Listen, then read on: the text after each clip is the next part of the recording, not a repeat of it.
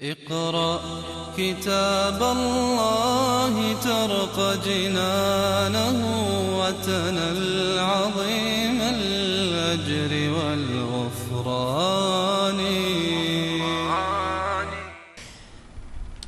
حياكم الله. بسم الله الرحمن الرحيم. الحمد لله والصلاة والسلام على رسول الله وعلى آله وأصحابه أجمعين. هذه ليلة الجمعة الثالث من شهر الله المحرم من سنة 1435 ها؟ أي ما شاء الله عام جديد وبارك الله فيه وفيكم ولكم وعليكم ومنكم وجعله عام خير وبركة لنا وللمسلمين جميعا. وإن شاء الله فالحسن يعني أن تبدأ هذه الجلسة في مطلع هذا العام وهذا الشهر. تعرفون أنه أنا عندي دروس إشراقات قرآنية عملتها في قصيم وفي الرياض وفي المدينة وفي جدة والحمد لله وصلنا إلى آه، جزء الأحقاف. يعني آه، بدأنا من سورة الناس. ولا زلت مواصلا. في الليلة إن شاء الله عندنا سورة الجاثية. وغدا سيكون عندنا الأحق... سورة الدخان. وصراحة يعني آه، لا يستكثر الوقت الذي يبذل في القرآن الكريم لأن القرآن مصدر للهدى والنور والسعادة والعلم والمعرفة. وأنا أرى الناس كثيرا ما ينشغلون بعلوم وألوان شتى في الحياة ولا تلومهم ما دام هذا في دائرة الخير والمصلحة والمباح. ولكن تستغرب من الإعراض عن القرآن الكريم والذي هو مصدر لكل معرفة ولكل خير. سورة الجاثية. هي واحدة من مجموعة. أنتم تعبرون جروبات الحين المجموعات يسمونها جروبات. آه، مجموعات في القرآن الكريم مثل آل حاميم. والشيء العجيب أنه الصحابة كانوا يسمونها آل كما قال ابن مسعود رضي الله عنه يقول إذا مررت بآل حاميم فإنما مررت بروضات دمثات أتأنق فيهن. روضات دمثات يتأنق يعني يتفهم ويتأمل ويتدبر. فسماها آل يعني كأنها عائلة. وفعلا كلها هذه السور كم عددها؟ آل حميم. كم عدد سورها؟ كم؟ سبع. اللي هي غافر فصلت الشورى الزخرف الدخان الجاثية الأحقاف. سبع آه، آه، سور. وكلها مبدوءة بحميم. طبعا لما نقول آل حميم هنا كأنك تتكلم عن شيء حي وفعلا القرآن حي وهو حياة. الله سبحانه وتعالى سماه روحا أوحينا إليك روحا من أمرنا. ليس حيا فقط بل يحيي به الله سبحانه وتعالى القلوب الميتة. فالله تعالى يحيي به قلوب من يشاء من عباده سطوع أنوار النبوة والعلم الإلهي على قلوب المختارين من الصفوة. فالقرآن فيه حياة وهو حياة وهو حي وفيه أيضا الروح كما قلنا التي هي الروح المعنوية. فالله سبحانه وتعالى يستفتح هذه السور السبع بهاتين الكلمتين الحرفين حاميم. وهي يعني دائما ما نلغز للشباب. نقول لهم هناك كلمة تكتب حرفين وتنطق خمسة أحرف. ما هي؟ تطلع هي مثل حاميم أو ياسين أو ما أشبه ذلك.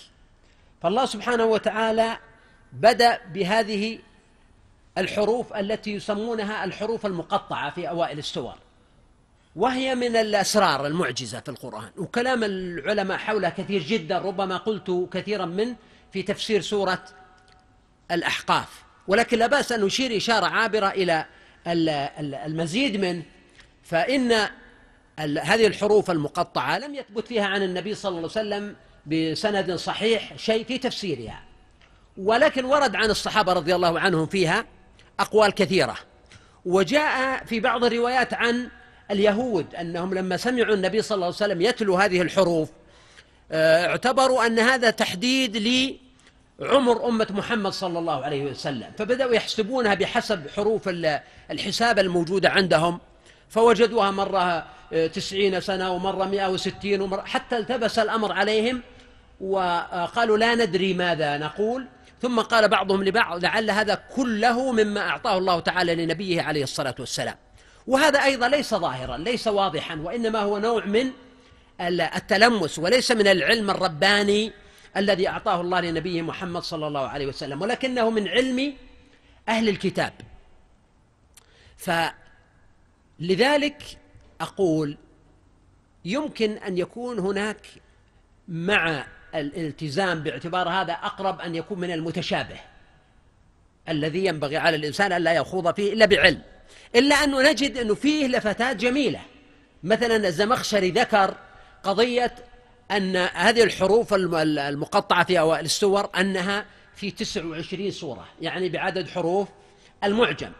وذكر أنها 14 حرفا يعني نصف حروف المعجم. وبدأ يعني يحاول أن يقول أن كل نوع من الحروف يوجد نصفه في هذه الحروف. بعضهم التمس أن الحروف الموجودة في صدر السورة غالبا ما تتكرر في السورة أكثر من غيرها وهذا يحتاج إلى تأمل وتأكد. هناك يعني معنى وجدته آه، لا بأس به وإن لم يكن يعني بالشيء بس في طرافة. أن هذه الحروف لو جمعت يتكون منها معنى وهذا ما روي عن ابن عباس. ابن عباس كان يقول مثلا ألف لام راء هذه يعتبرها ألف لام راء ثم يضع معها حاميم ثم يضع معها نون التي هي صدر سورة القلم. مجموعة يطلع إيش؟ الرحمن. فتكون هذه الآيات هذه الحروف كأنها تعبير عن بعض أسماء الله الحسنى وهذا جاء عن جمع من الصحابة رضي الله عنهم. الطريف أنه لما تجمع هذه الحروف المقطعة لألف لام ميم حاء كاف هاء ياء عين صاد راء إلى آخره يطلع من مجموع الحروف يعني كيفما تصرفت فيها يطلع منها جمل مفيدة. مثلا آه، الزمخشري استخرج منها كلمة نص حكيم قاطع له سر. نص حكيم يعني القرآن الكريم نص حكيم قاطع له سر في أسرار عظيمة. بعضهم استخرجوا مثل ما في الجزرية أيضا قضية صله سحيرا من قطعك من قطعك صله سحيرا. يعني أن أصل من قطعني. أو آه، سر حصين قطع كلامه أيضا. آه، صن سرا يقطعك حمله. ألم يسطع نور حق كره؟ نور الحق وإن كرهه الناس إلا أنه ظاهر. ألم يسطع نور حق كره؟ وأخيرا طرق سمعك النصيحة. وكذلك صح طريقك مع السنة.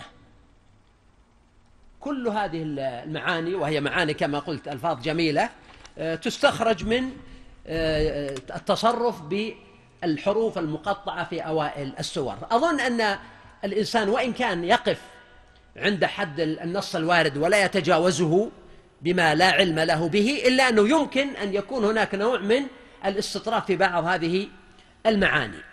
السورة التي نحن بصددها الآن من مجموعة آل حاميم كما قلت هي سورة الجاثية. وهذه السورة لها عدة أسماء. أشهرها كما في المصاحف وكما في صحيح البخاري سورة الجاثية أو سورة حميم الجاثية بالإضافة. وسميت بذلك لذكر الله تعالى هذا اللفظ فيها وترى كل أمة جاثية كل أمة تدعى إلى كتابها. فمع أن اللفظ في السورة نكرة جاثية لكن السورة سورة الجاثية. وال التعريف هنا من أجل آه، أن تكون مناسب أن تكون عنوانا أو تعريفا للسورة ليس أكثر. فهذا هو الاسم المشهور وهو يخصها لأن لفظ جاثية لم يرد في القرآن إلا في هذه السورة. بعضهم سماها سورة الشريعة. وهذا جاء في الدر المنثور عن بعض السلف وذلك لأن الله تعالى قال ثم جعلناك على شريعة من الأمر فاتبعها. وأيضا هذا اللفظ آه، بهذه الصيغة لم يرد. زد على ذلك أن بعضهم سمى هذه السورة سورة الدهر. لماذا؟ لقوله تعالى وقالوا وما هي إلا حياتنا الدنيا نموت ونحيا وما يهلكنا إلا الدهر. فسميت سورة الدهر ولكن هذا يشكل عليه أنها تلتبس مع سورة أخرى في القرآن الكريم وهي سورة الإنسان. هل أتى على الإنسان حين من الدهر؟ فهذا ما يتعلق بالاسم. أما عدد حروف أو عدد عدد آيات هذه السورة. طبعا بعضهم يعد الحروف يعد الكلمات لكن نحن معنيون بعدد الآيات لأنه يختلف. أما عدد الحروف فلا يختلف عدد الكلمات لا يختلف. الحروف قد يختلف بحسب القراءات لكن عدد آيات هذه السورة هو سبع وثلاثون آية كما في مصحف المدينة النبوية. وهو أيضا كلام أهل مكة وأهل الكوفة. أما أهل مكة والمدينة فإنهم يعدونها ستا وثلاثين آية وهذا مضطرد في آل حاميم كلها. هل تعتبر حاميم آية؟ كما هنا مثلا في المصاحف الموجودة عندنا حاميم آية. أو تعتبر ليست آية وإنما هي متصلة بما بعدها. فينقص عدد آه، السور كلها في حاميم ينقص آية. هل السورة مكية أو مدنية؟ ذكر ابن عطية وغيره إجماع العلماء على أن السورة مكية. نزلت بمكة. وهذا واضح جدا فإن موضوعات السورة هي موضوعات السور المكية من الحديث عن الكون والآيات والحجج والمجادلة مع المشركين ومع الوثنيين ومع منكري الوحي ومنكري البعث أيضا. وهذه هي موضوعات القرآن المكي. ولكن قال بعضهم إن في هذه السورة آية واحدة مدنية وهي قوله تعالى قل للذين آمنوا يغفروا للذين لا يرجون أيام الله ليجزي قوما بما كانوا يكسبون. والعجيب مع أنه نقل عن ابن عباس أن هذه الآية مدنية وسوف آتي عند ذكرها سبب إلى سبب نزولها. ولكن يعني يستغرب أن تكون هذه الآية مدنية مع أنها هي الآية الوحيدة التي قيل عنها إنها نسخت في السورة فهذا مما يستغرب لأن النسخ للمكي بالمدني متوقع. لكن نسخ الآية المدنية في سورة مكية هذا شيء غريب ما يدل على ضعف هذا القول لأن المدني متأخر عن المكي. فهذا ما يتعلق أيضا بمكية السورة. أما موضوع السورة فسبحان الله السورة موضوعها الأساسي والجوهر الذي تدور حوله وتنتظم آيات تنتظم ينتظم آياتها كلها. هو الحديث عن العلم. الحديث عن العلم سواء كان هذا العلم هو العلم الرباني عن طريق الوحي أو كان هو العلم الدنيوي الذي يستكشف ما أودع الله تعالى في الكون من أسرار. ثم الحديث عن موقف الناس من هذا العلم ممن قد يتعلمون هذا العلم ويقبلونه ويؤمنون به وينتفعون به أو من يرفضونه ويسخرون منه. والسورة توحي بأن العلم الرباني والعلم الكوني أنه في الأصل واحد وطريق واحد بمعنى أن الكون يدل على الله. والشريعة أيضا تأمر بالتعلم والاستفادة مما في الكون. هذا هو الأصل وحدة المعارف ووحدة العلوم. ولكن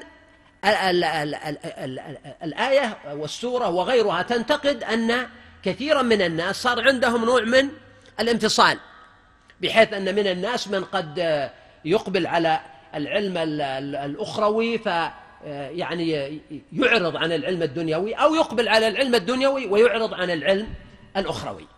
فهذا هو موضوع السورة كما سوف يتجلى. وفيها أسرار وحكم وشيء حقيقة عجيب جدا يعني. وما سأقوله الآن ليس إلا يعني ومضات ولمحات مما بقي في الذهن وإلا في السورة تحت كل آية وكل كلمة تحتها معنى وسر وإعجاز وشيء عجيب. والله القرآن يهب درره لمن يقبل عليه ومن يمنحه الوقت وأيضا من يمنحه الإقبال بحيث إنه إذا أردت أن تتدبر القرآن ولو سورة واحدة من القرآن على سبيل التجربة بإمكانك أن تقرأ كتب التفسير كلها وهي لو موجودة في المواقع العلمية في في النت تجد كل كتب التفسير. اقرأ مثلا ولو كانت سورة قصيرة كسورة العصر مثلا أو الكوثر اقرأها في عشرة تفاسير. هذا لا يأخذ منك إلا بضع ساعات ولكنه يفتح أمامك آفاق عجيبة. فالله سبحانه وتعالى استفتح هذه السورة بهذين الحرفين حاء ميم ثم قال سبحانه تنزيل الكتاب من الله العزيز الحكيم. إشارة إلى المعنى الذي ذكرته. بدأ بالعلم. العلم الرباني وهو الأساس الذي عليه قوام حياة الناس ونجاحهم في الدنيا وفي الآخرة. فالله سبحانه وتعالى قال تنزيل الكتاب. يعني أشار إلى تنزيل هذا الكتاب من عند الله سبحانه وبحمده. يعني هذه السورة وهذا ولذلك لا يكاد يأتي ذكر الحروف المقطعة إلا ويأتي بعده ذكر القرآن الكريم. كما تجد مثلا في ألف لام من ذلك الكتاب لا ريب فيه نون والقلم آه، صاد والقرآن ذي الذكر وهكذا. بحيث أن هذا إشارة إذن إلى الكتاب وتنزيل الكتاب من الله. فهو إشارة إلى موضوع الوحي وأن هناك شيء خارج نطاق العلم البشري. العلم البشري الذي هو في الكون وفي النفس كما سوف يأتي ذكره في الآيات. لكن الآن بدأ بما هو خارج العلم البشري وخارج العقل البشري حتى. يعني العقل يؤمن به ولكن لا يدركه إلا عن طريق السمع. عن طريق السمع. احرص على الكلمة ذي لأنه سوف يأتي لها ذكر حتى. فهنا قال تنزيل الكتاب يعني الوحي الذي ينزل على الأنبياء كلهم. ولذلك الكتاب يمكن يكون إشارة إلى القرآن الكريم. وهو لم يكتمل حينما نزلت هذه السورة لأن السورة هذه ربما كانت نزلت في وسط الفترة النبوية. يعني موضوعات السورة مثل قضية الاستهزاء بالنبي صلى الله عليه وسلم ومثل قضية قل للذين آمنوا يغفروا للذين لا يرجون أيام الله. تدل على أن نزول السورة لم يكن في صدر الإسلام وإنما كان بعد بضع سنوات من البعثة بحيث أن المسلمين كثروا. واصبح عندهم قوة وأحيانا يفكرون بإيش؟ برد العدوان على من يعتدي عليهم ويتعرضون للأذى. فلذلك قال لهم يغفروا ويصبروا. فإذا السورة ليست ونزلت ربما في مثلا السنة السادسة أو السابعة من الهجرة النبوية. فالمقصود هنا أن القرآن لم يكتمل. ومع ذلك أشار إليه لأنه معلوم عند الله في اللوح المحفوظ. أو يكون المقصود الإشارة إلى تنزيل الكتب لأن الكتاب آه، كما تقول يؤمنون بالكتاب. والمقصود بذلك كل الكتب المنزلة يعني يكون اسم جنس. فيشمل كل ما نزل من الكتب السماوية على الأنبياء عليهم الصلاة والسلام. من الله العزيز الحكيم. والعزيز الحكيم هاتان صفتان لله. وقد آه، ذكر صاحب الفخر الرازي صاحب التفسير الكبير أنه يحتمل أن يكون العزيز الحكيم صفة للكتاب تنزيل الكتاب العزيز الحكيم من الله. ولا شك أن القرآن يوصف بأنه عزيز وأنه لكتاب عزيز ويوصف بأنه حكيم الذكر الحكيم. ذلك نتلو عليك من الآيات والذكر الحكيم. لكن مستبعد أن يكون الوصف هنا للكتاب وإنما الوصف لله سبحانه وتعالى لوجود الاتصال الله العزيز الحكيم. أما الكتاب فبينه وبين الصفتين فاصل تنزيل الكتاب من الله. فيستبعد أن تكون هذه صفة للكتاب في هذا السياق. ولكن أقول حتى حينما نقول بأن العزيز الحكيم هنا صفة لله سبحانه فإن هذا يعني أن القرآن عزيز وحكيم ولا لم يكن هناك معنى لهذا هذين الاسمين في هذا السياق. ففي ذلك إشارة إلى ما في القرآن الكريم من القوة والعزة وما فيه أيضا من الحكمة والبصيرة والأسرار. وأما صفة العزيز لله سبحانه وتعالى فهي أحد هنا أحد أسمائه الحسنى والعزة صفته سبحان ربك رب العزة. والحكيم أيضا اسمه والحكمة صفته العزيز هو القوي الذي لا يغلب. وإذا أراد شيئا كان.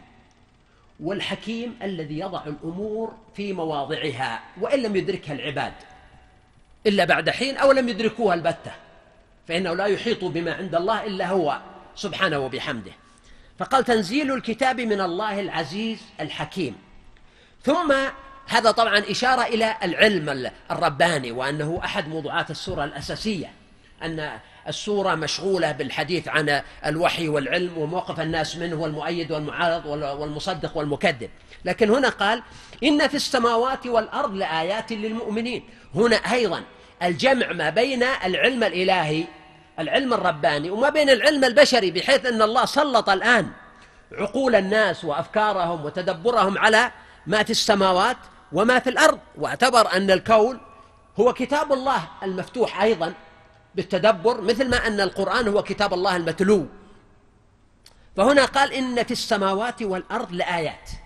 إن إما أن يكون المقصود أن السماوات والأرض فيها آيات يعني تتضمن آيات. أو يكون المقصود أن السماوات والأرض هي نفسها آيات. والسماوات آيات والأرض آيات. ومع ذلك فيهما آيات مثل الشمس القمر النباتات وغيرها من الآيات والتفاصيل التي يعلم يعلمها أهل الاختصاص. فقال الله سبحانه وتعالى هنا إن في السماوات والأرض لآيات للمؤمنين. هي آيات للناس كلهم.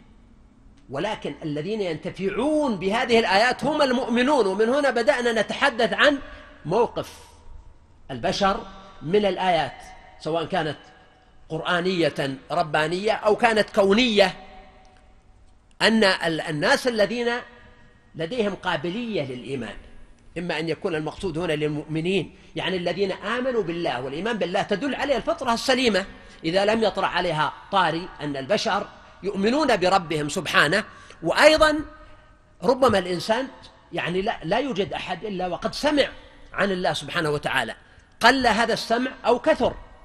فمن هنا تأتي هذه الآيات لتدعو الناس إلى مزيد من التدبر الذي يعزز ويقوي الإيمان بالله.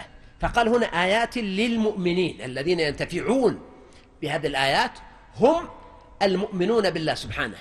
قال وفي خلقكم وما يبث من دابة. هنا انتقل إلى شيء آخر هو ضمن السماوات والأرض وكأنه عطف للخاص على العام. بعدما تكلم عن السماوات والأرض انتقل إلى خلق الإنسان. خلقكم كما قال سبحانه وفي أنفسكم أفلا تبصرون. فقال هنا وفي خلقكم أيها الناس يعني آيات وعبر وما يبث من دابة. الدواب. طيب ما هي الدواب؟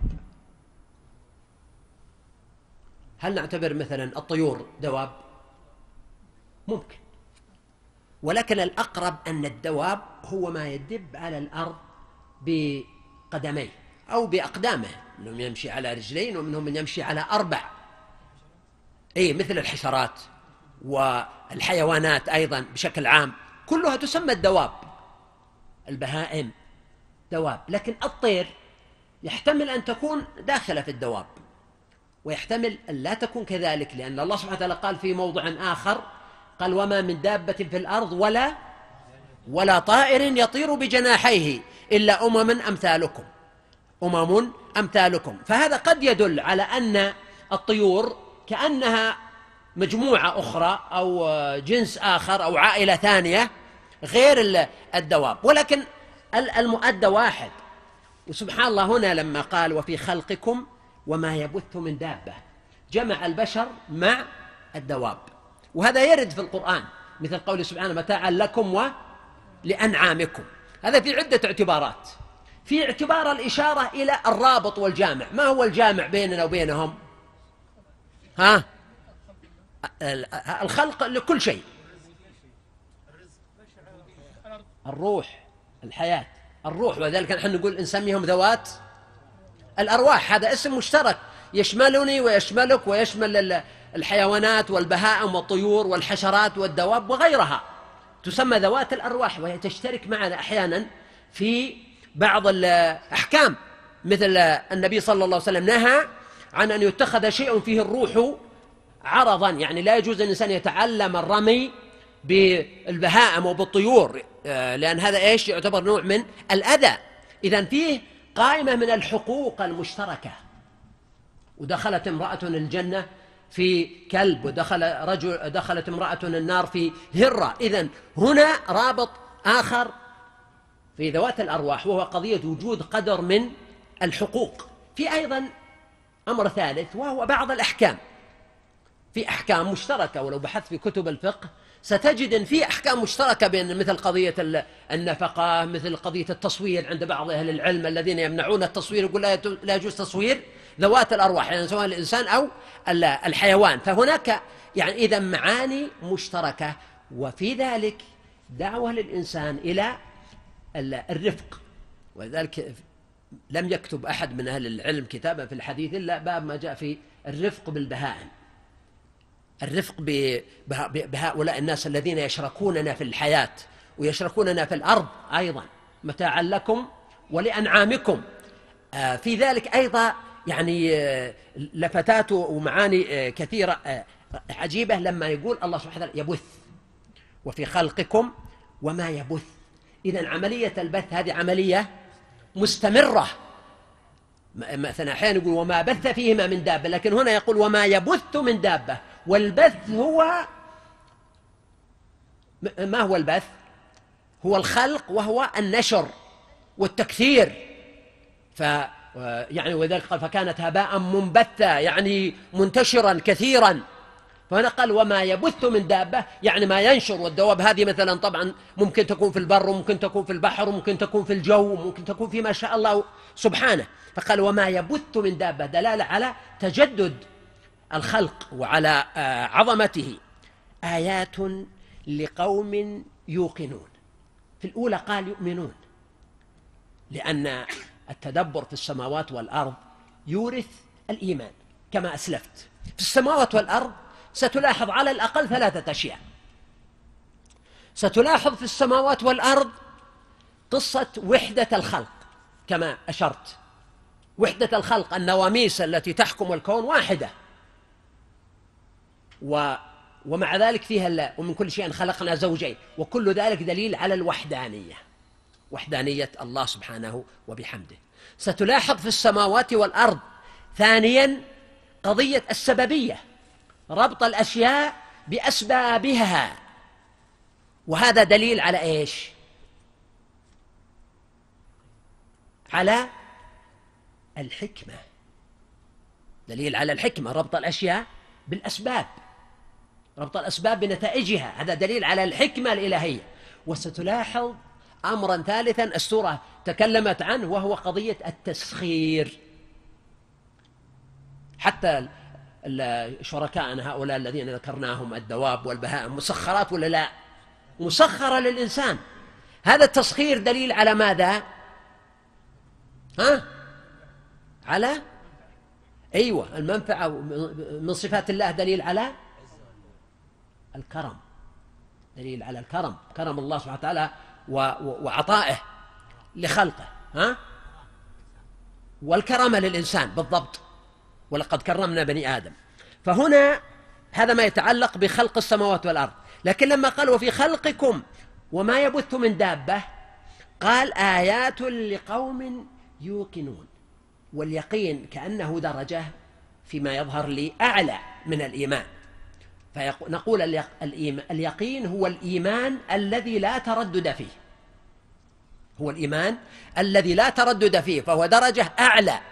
ولذلك لأنه الكلام عن النفس وفي أنفسكم أفلا تبصرون وعن أمور في غاية الدقة وفي غاية الضبط وفي غاية الإحكام لأن بعض الناس ربما يغفل عن السماوات والأرض لكن لا يمكن أن يغفل عن نفسه لأن نفسه التي بين جنبيه في النوم واليقظة والأكل والشرب والعوارض الصحية التي تعرض للإنسان وإلى آخره والتعب والحالة النفسية مما يجعل أن الإنسان من الصعب جدا أن يغفل عن نفسه.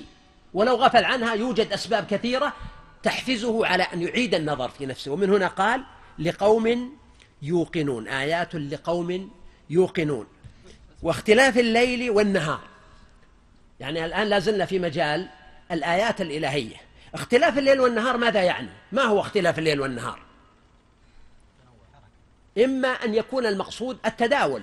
هذا ليل وهذا نهار أن الله سبحانه وتعالى لم يجعل علينا الليل سرمدا ولا النهار سرمدا وإنما جعل التداول بين الليل والنهار. هذا ليل ويأتي ليل آه، يكر عليهم ونهار.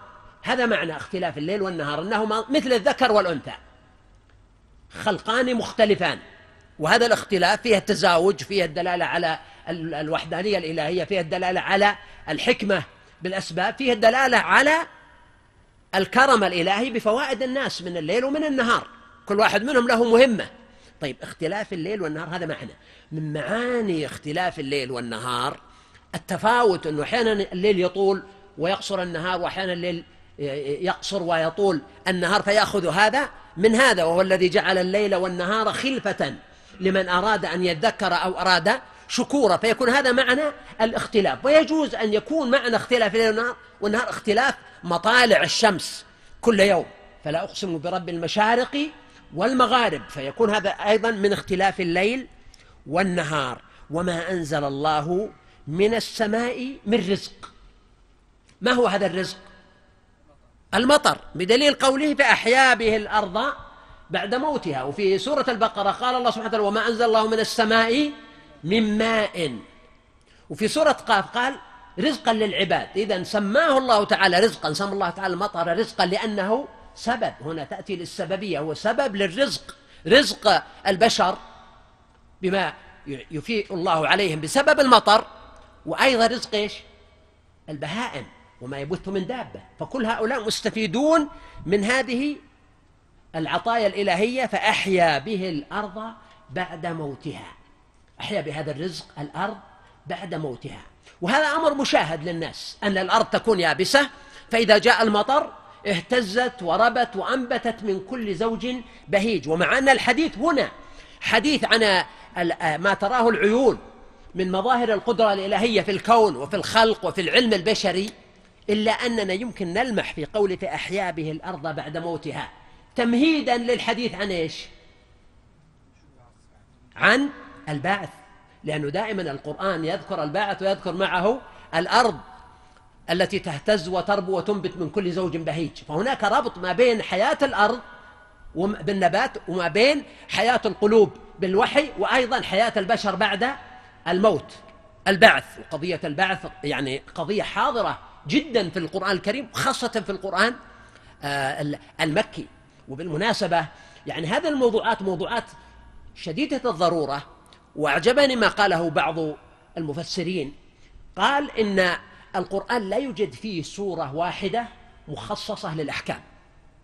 نحن نجد كتب في آيات الأحكام مثل تفسير القرطبي مثل أحكام القرآن لابن العربي وغيرها كثير. لكن لا يوجد في القرآن سورة خاصة للأحكام من أولها إلى آخرها. لا ولكن يوجد سور كثيرة في القرآن من أولها إلى آخرها مخصصة لإيش؟ تقرير الاعتقاد وترسيخ الإيمان ودعوة الناس إلى التدبر وإلى غير ذلك من المعاني الأساسية الجوهرية. وكل ذلك مهم ولكن لكل شيء مقامه. فهنا قالوا فأحيا به الأرض بعد موتها للمح أو التمهيد لقضية البعث. وأيضا قضية حياة القلوب بالوحي كما ذكر في صدر السورة. فأحيا به الأرض بعد موتها وتصريف الرياح. وتصريف الرياح الرياح يعني أن منها الشمالية ومنها الجنوبية ومنها الشرقية والغربية الصبا والدبور ومنها الريح العقيمة التي لا تنفع إلا بالعذاب ومنها الريح اللاقحة التي تلقح النباتات. فهذا من تصريف الرياح. وفي القرآن الكريم يأتي لفظ الريح ويأتي لفظ الرياح. الغالب أن الرياح هنا تأتي بإيش؟ بالرحمة. وأرسلنا الرياح لواقح. وأما الريح فإن الغالب أنها إيش؟ للعذاب. إذا أرسلنا عليهم الريح العقيم. هل يوجد استثناء من هذا المعنى؟ نحن نقول الغالب. لأني وجدت آية. حتى آه، آه، هو الذي يسيركم في البر والبحر حتى إذا كنتم في الفلك وجرين بهم بريح طيبة وفرحوا بها. وإن كانت هنا موصوفة ما قال بريح وبس قال طيبة فدل انتفى الاحتمال. وكذلك في في قصة سليمان ولسليمان الريح غدوها شهر ورواحها شهر. إذن القول بأن الرياح للرحمة والريح للعذاب ليس مطلقا والحديث الوارد في هذا فيه فيه نظر يعني. فهنا قال وتصريف الرياح آيات لقوم يعقلون. لاحظ هنا الله سبحانه وتعالى استخدم العقل. في البداية الإيمان ثم اليقين ثم العقل. وكأن الحديث عن يعقلون والله أعلم هنا لأن ملاحظة الليل والنهار والمطر والنبات وتصريف الرياح أمر في تركيب ويحتاج إلى نوع من إعمال العقل حتى يدركه الإنسان وكلما زاد علم الإنسان فيه اطلاعا ومعرفة كلما زاد بذلك فهمه وتدبره ولذلك قال لقوم يعقلون. هنا أيضا لما قال لقوم يعقلون هذه حفاوة بالتعقل. القرآن الكريم لم يرد فيه لفظ العقل هكذا ولا في السنة النبوية وما ورد من الأحاديث مذكورا فيه لفظ العقل فهو موضوع. في نسخة اسمها كتاب العقل هذا كله أحاديث موضوعة. فلم يرد في القرآن الكريم لفظ العقل هكذا وإنما ورد بصيغة إيش؟ الفعل. يعقل. وما أشبه ذلك. إذن نستطيع أنه لأنه حتى العلماء الآن عندهم حيرة شديدة جدا في العقل. ما هو العقل؟ وأين يوجد؟ وما هو يعني تفصيلات كثيرة جدا. حدوده ضوابطه إشكالاته بقدر ما تستفيد من هذا الإدراك الخاص للإنسان إلا أنه قد يخلق أمام الإنسان مشكلات معينة. فلذلك القرآن الكريم يذكر العقل بصيغة الفعل. إن العقل هنا فعل بمعنى أنه يعني طبعا في القرآن أولو الألباب. والألباب هي العقول يعني أولو الألباب يعني أولو العقول. لكن صاحب اللب هنا ليس المقصود فيها العقل المحض العقل المادي لا المقصود فيه العقل الإيماني العقل الحكيم الذي يدفع صاحبه إلى الخير ويمنعه من الشر. هذا معنى اللب يعني وهو المعروف في لغة العرب. فهنا قال لقوم يعقلون. وسبحان ربي لما قال لك يعقلون هنا في صدر السورة في ثنايا السورة سوف يتكلم الله عن شيء آخر نقيض العقل وهو إيش؟ الهوى الهوى. العقل نقيض الهوى. يقول آفة العقل الهوى فمن علا على هواه عقله فقد نجا. إذا الله تعالى يذكر هنا لقوم يعقلون وسيأتي بعد ذلك لذم الهوى حتى لا يلتبس على الناس هذا بذاك. فقال لقوم يعقلون. ثم هذه الآيات التي ذكرها الله ست تقريبا في هذه السورة. وذكرت في مواضع كثيرة جدا في القرآن الكريم منها في سورة البقرة من أكثر وأجمع المواضع إن في خلق السماوات والأرض واختلاف الليل والنهار والفلك التي تجري في البحر بما ينفع الناس وما أنزل الله من السماء من ماء فأحيا به الأرض بعد موتها وبث فيها من كل دابة وتصريف الرياح والسحاب المسخر بين السماء والأرض. طيب هنا في سورة البقرة ذكر آيتين لم تذكرا هنا. ذكر السحاب المسخر وهو موجود هنا في قضية من رزق لأنه متضمن. وذكر شيئا آخر لم يذكر هنا وهو الفلك التي تجري في البحر بما ينفع الناس. صحيح. ليش لم يذكرها؟ لأنه سوف يذكرها مفردة بعد قليل. في قوله الله الذي سخر لكم البحر لتجري الفلك فيه بأمره. فستذكر هنا مفصلة. إذن هي ثمان آيات ذكرت في سورة البقرة. ذكر منها هنا تقريبا سبع آيات ثم ذكرت الثانية بعد الثامنة بعد قليل.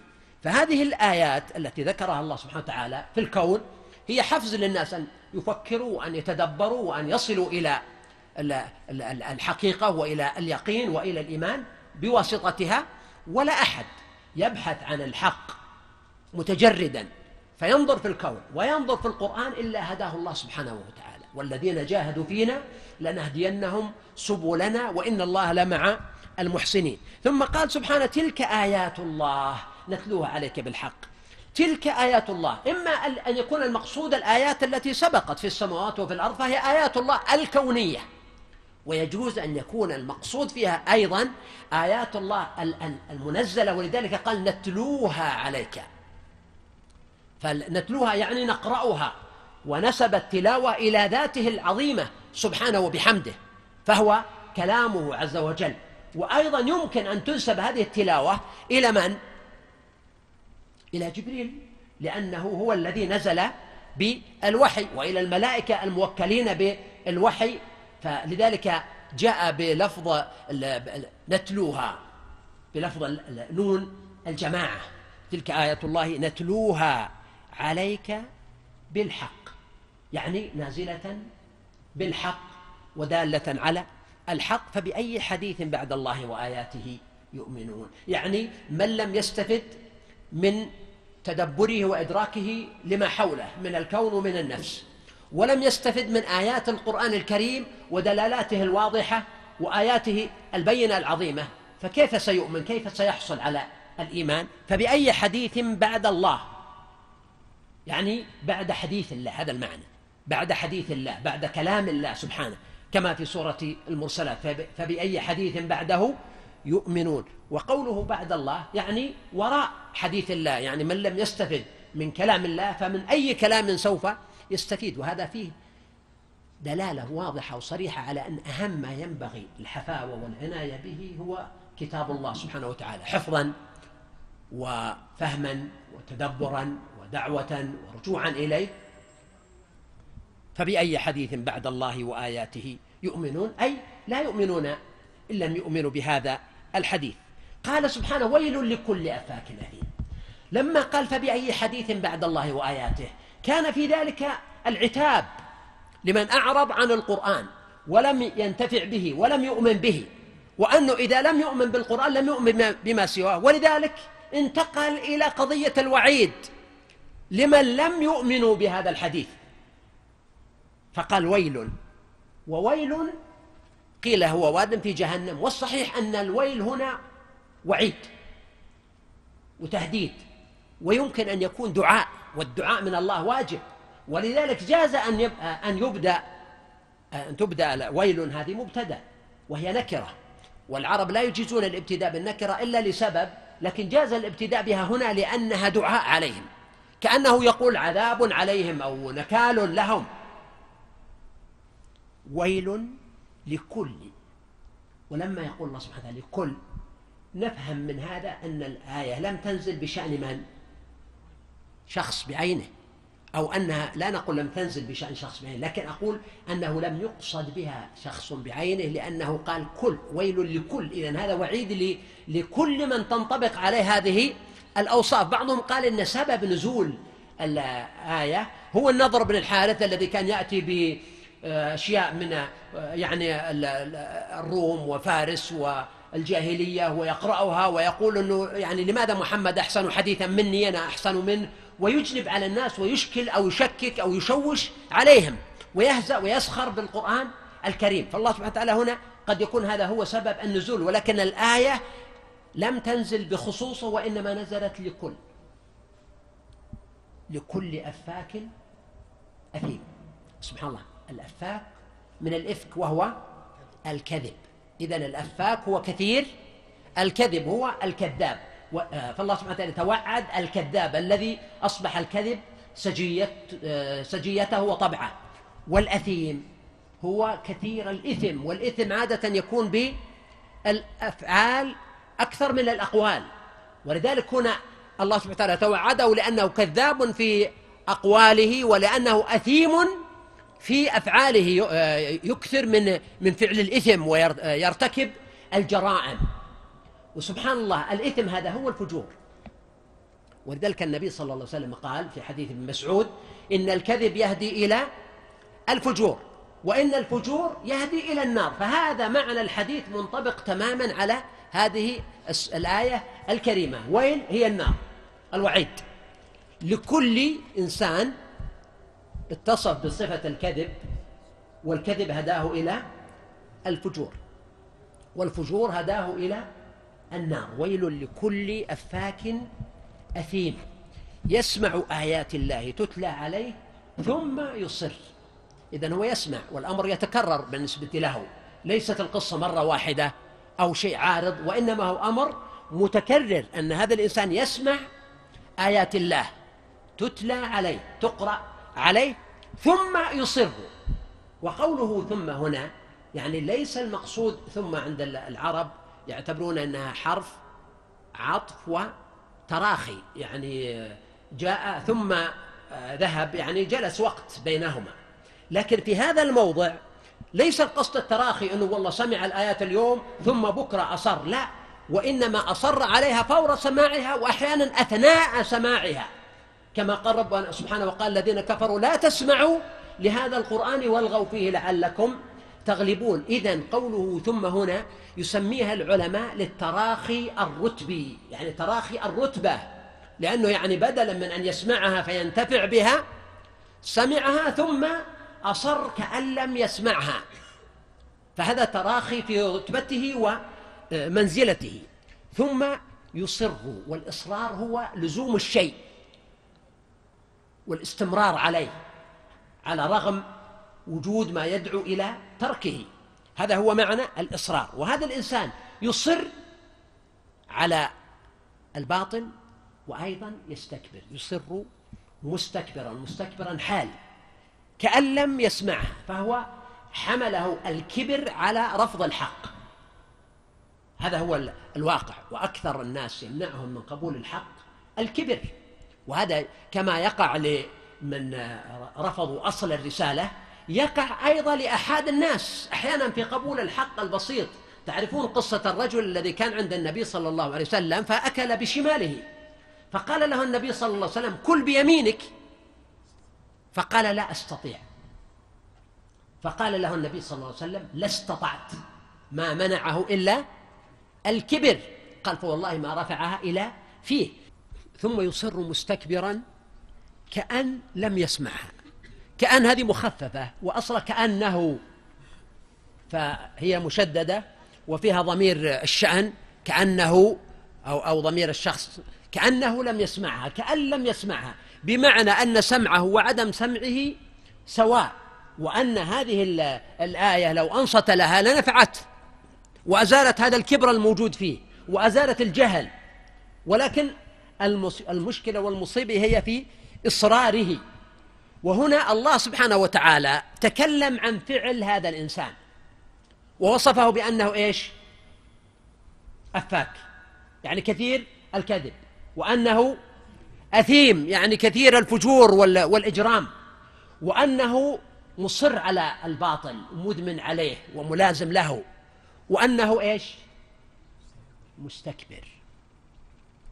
فهذه صفات فيه جعلته غير مؤهل لقبول الحق.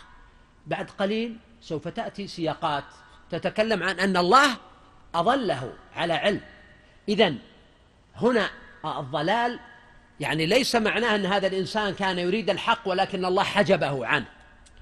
ولكن الله تعالى علم أن هذا الإنسان لا يريد الحق معرض عنه مستكبر مصر فتركه. وشأنه سبحانه حتى وقع وتردى. قال فبشره بعذاب أليم.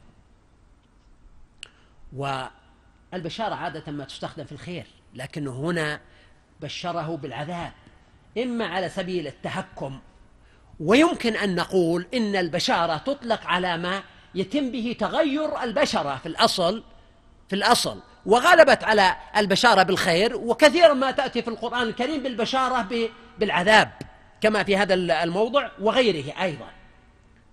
ولما قال فبشره بعذاب أليم.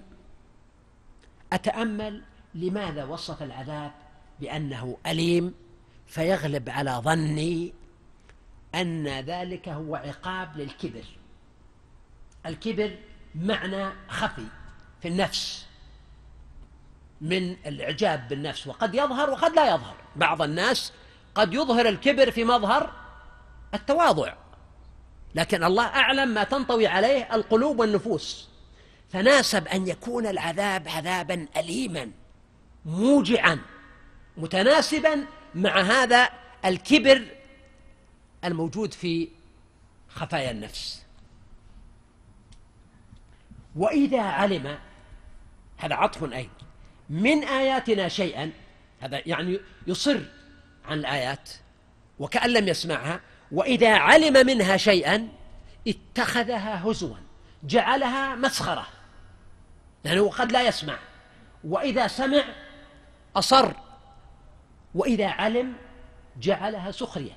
مثلا لما قال الله سبحانه وتعالى عليها تسعة عشر قال المغيرة أو غيره أو أبو جهل قال أنا أكفيكم أنا 18 وأنتم تكفوني واحد. ولما سمعوا قول الله سبحانه وتعالى إن شجرة الزقوم طعام الأثيم. قالت لا تعرفون ما هي شجرة الزقوم؟ هذا هو آه، الزبد بالسمن بالتمر لأتزقمنها تزقما. فكثير من الناس قد يجعل القرآن الكريم مادة للسخرية وهذا ينبغي الحذر منه.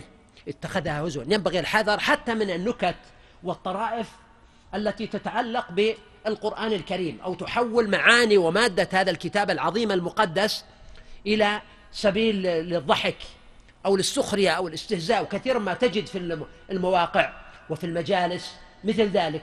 والله عز وجل في ثنايا هذه السورة المباركة ذكر المبطلين ويومئذ يخسر المبطلون كما سوف يأتي. فهذا من الإبطال المبالغة في السخرية والمبالغة في الضحك وجعل هذا في غير محله وغير موضعه مما يتوعد عليه بالعذاب. ولذلك قال اتخذها هزوا أولئك لهم عذاب مهين. لماذا عبر هنا عن العذاب بأنه مهين؟ ألا ترون فيه تناسب مع الفعل؟ الفعل ما هو؟ إهانة. إهانة للقرآن. ولحملة القرآن ولأهل القرآن.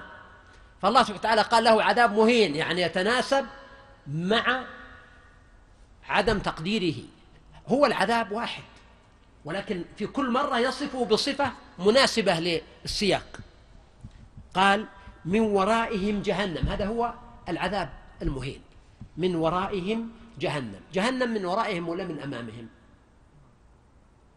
هي أمامهم بالنسبة للزمان ولكن يمكن كثير من المفسرين يقولون إن وراء تأتي بمعنى أمام ومن أشهر الآيات التي يستدل بها في هذا السياق وكان وراءهم ملك يأخذ كل سفينة غصبا.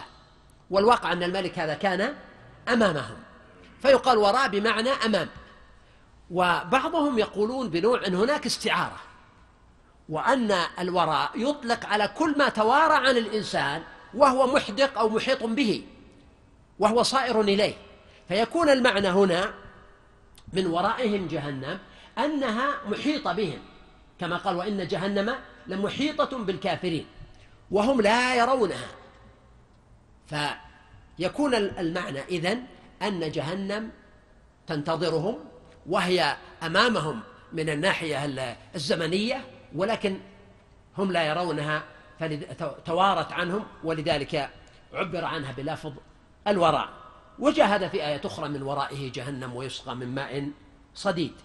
قال ولا يغني عنهم ما كسبوا شيئا ولا ما اتخذوا من دون الله أولياء. أما ما كسبوا يعني أموالهم وأولادهم وما أموالكم ولا أولادكم بالتي تقربكم عندنا زلفى إلا من آمن وعمل صالحا.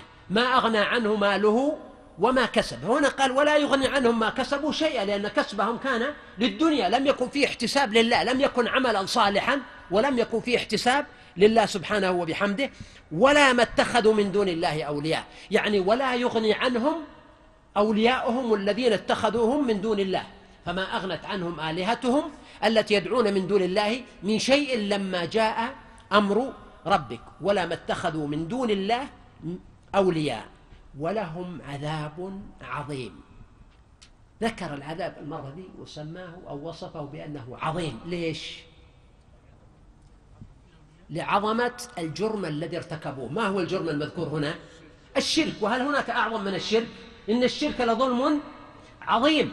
فناسب أن يكون العذاب عظيما أيضا. ولذلك قال ولهم عذاب عظيم. وكل ذلك في الآخرة فالعذاب هنا أليم ومهين وعظيم. قال هذا هدى. يعني هذا القرآن هدى وقد أطلق. لم يقل هدى لمن؟ هو هدى للناس كما قال الله سبحانه وتعالى. شهر رمضان الذي أنزل فيه القرآن هدى للناس. وهو أيضا هدى للمتقين. ذلك الكتاب لا ريب فهدى للمتقين. إذا هو هدى للناس وهو هدى للمتقين. ولذلك قال هنا هذا يعني القرآن. هذا القرآن هدى. يعني من أسباب الهداية يهتدي به من أراد الله. والذين كفروا بآيات ربهم ولم ينتفعوا بهذا القرآن ولم يستمعوا إليه لهم عذاب من رجز أليم. تغير المرة هذه الختام. وفيها أقول لك فيها إصرار إذا تدبرته. حقيقة أنا لما شفت الآية الأولى عذاب أليم فبشروا بعذاب أليم. هذا مناسب للكبر ثم مهين مناسب لإهانة القرآن ثم عظيم مناسب لعظمة الذنب وهو الشرك. لكن هنا قال غير الخاتمة قال لهم عذاب من رجز أليم. جلست أجمع أو أتدبر الآيات اللي جاء فيها هذا السياق في القرآن الكريم. قال الله سبحانه وتعالى فأنزلنا على الذين ظلموا رجزا من السماء بما كانوا يفسقون. فأنزلنا عليهم. إذا متى نزل هذا؟ في الدنيا. في الدنيا في عذاب عاجل. وكذلك بنو إسرائيل قالوا لئن كشفت عنا الرجز لنؤمنن لك ولنرسلن معك بني إسرائيل. فظهر لي احتمالا والله تعالى أعلم بمراده أن العذاب من رجز أليم المذكور في هذه الآية هو عذاب في الدنيا.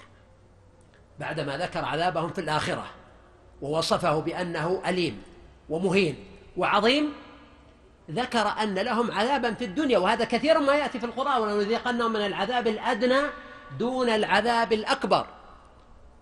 لعلهم يرجعون. فالذي يصل النار الكبرى ثم لا يموت فيها ولا يحيا. إذا هناك عذاب في الدنيا عاجل لهم. فلا يبعد أن يكون السياق هنا والذين كفروا بآية ربهم لهم عذاب من رجز أليم أن يكون إشارة إلى تعذيبهم في الدنيا أنهم يعذبون في الدنيا ولذلك قال عذاب من رجز أليم. وكأن الإشارة هنا أن هذا العذاب أهون مما قبله لأن الذي قبله عذاب أليم هو نفسه وعظيم ومهين. بينما هنا قال عذاب من رجز أليم ومن هنا قد تكون بيانية أو تبعيضية فيحتمل والله تعالى أعلم أن يكون المقصود هنا بهذا العذاب عذابهم في الدنيا. ماذا يكون عذابهم في الدنيا؟ أولا عذابهم في الدنيا بالحجاب. كما أنهم يوم القيامة عن ربهم محجوبون. هم في الدنيا حجابهم عن المعرفة وعن الإيمان وعن العلم. هذا هذا عذاب. عذابهم بمرض القلوب. عذابهم بغياب السعادة عن نفوسهم. عذابهم بالذل الذي يغشاهم ويصيبهم. عذابهم بنصر الإيمان ونصر المؤمنين ولذلك عذبوا يوم بدر وعذبوا بنصر الله سبحانه وتعالى نبيه صلى الله عليه وسلم والمؤمنين فكل ذلك هو من عذاب الحياة الدنيا. ثم أكمل الله سبحانه وتعالى السياق للآيات التي سبقت وبقي منها آية واحدة وهي آية الفلك وآية البحر فقال الله الذي سخر لكم البحر ولا لفظ التسخير. معنى مهم لأنه واحد من الحكم الدالة على رحمة الله وعلى لطفه وعلى فضله وكرمه على عباده قال الله الذي سخر لكم إذا البحر مخلوق لكم ومسخر لكم والسماوات والأرض أيضا كما سوف يأتي. سخر لكم البحر. ما ما أوجه التسخير؟ قال لتجري الفلك فيه في البحر بأمره بأمر الله سبحانه وتعالى لأن النواميس التي وضع الله تعالى في الماء أنها تطفو عليها الأشياء. وتعليم الإنسان هذا الشيء. وكذلك النواميس التي وضعها الله تعالى في السفن وصناعة السفن. كل ذلك من تسخير الله سبحانه وتعالى البحر للإنسان. ولتبتغوا من فضله. يعني بالبحر. نعدد ما هي الأشياء التي يستفيد منها الناس في البحر. أكل إيش؟ السمك ها؟ الأسماك. سواء الأكل أو البيع والانتفاع بها. أيضا وتستخرجوا منه حلية تلبسونها. يخرج منهم اللؤلؤ والمرجان. إذا خروج هذه المعادن النفيسة من البحر هذا من التسخير. أيضا آه، الاستفادة من مائه الطهور ماء والحل ميتته. أيضا الغوص. الغوص في البحر.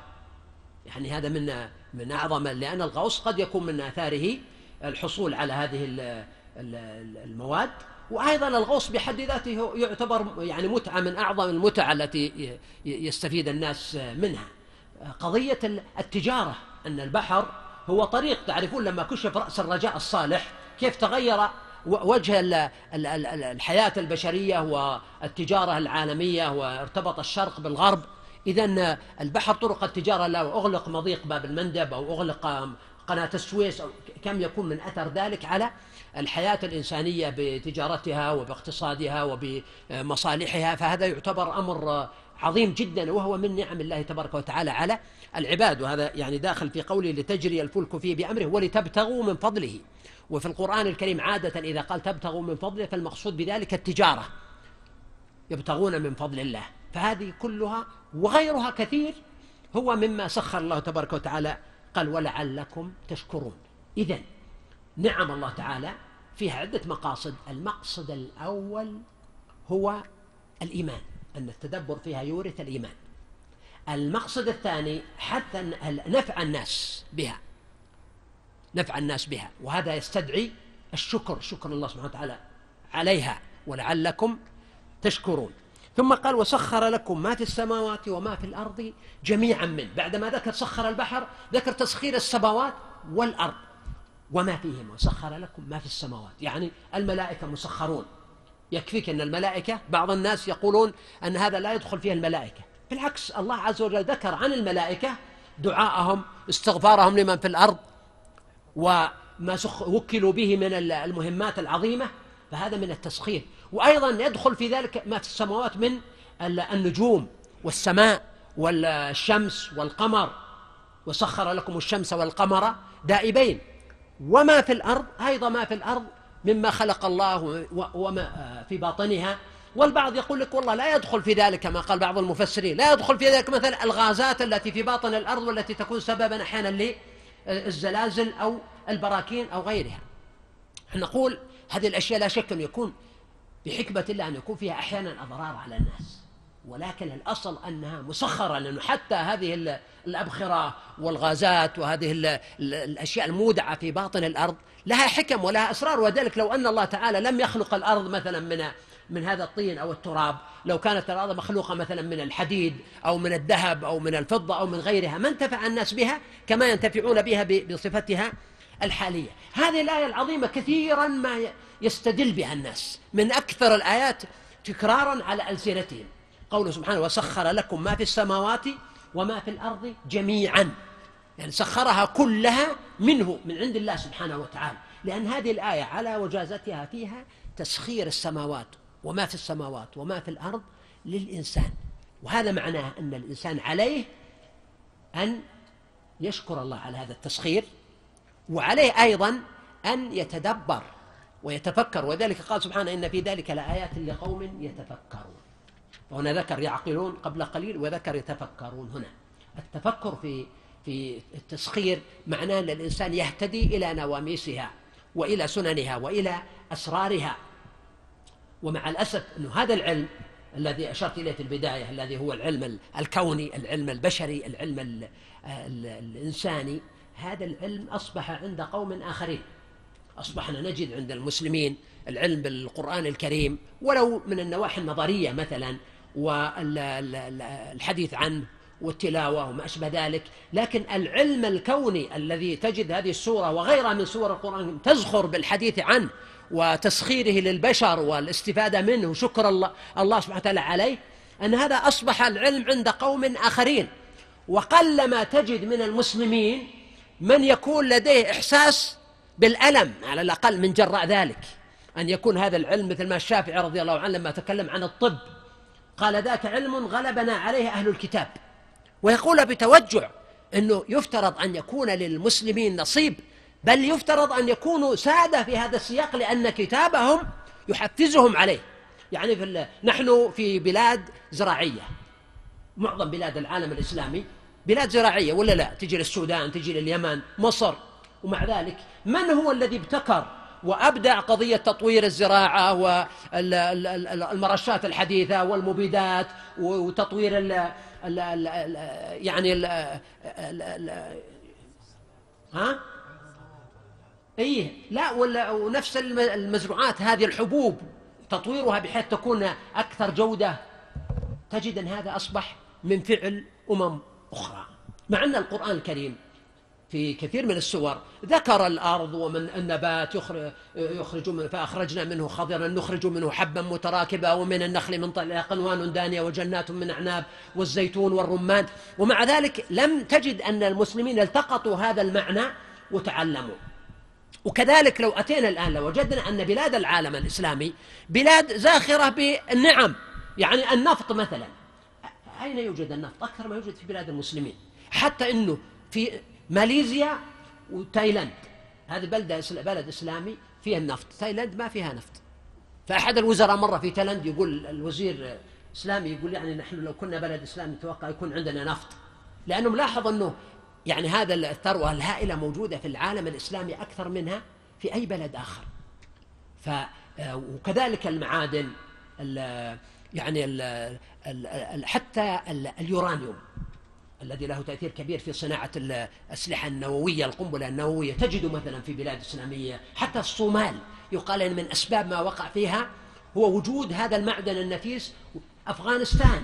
بعدما قام الأمريكان بالاحتلال السيطرة عليها اكتشفوا فيها اليورانيوم بشكل هائل ومعادن حتى أنهم صرحوا بأنه هناك يعني آه، آه، مواد تبلغ إلى التريلونات في أفغانستان. هذا قبل سنتين أو أقل.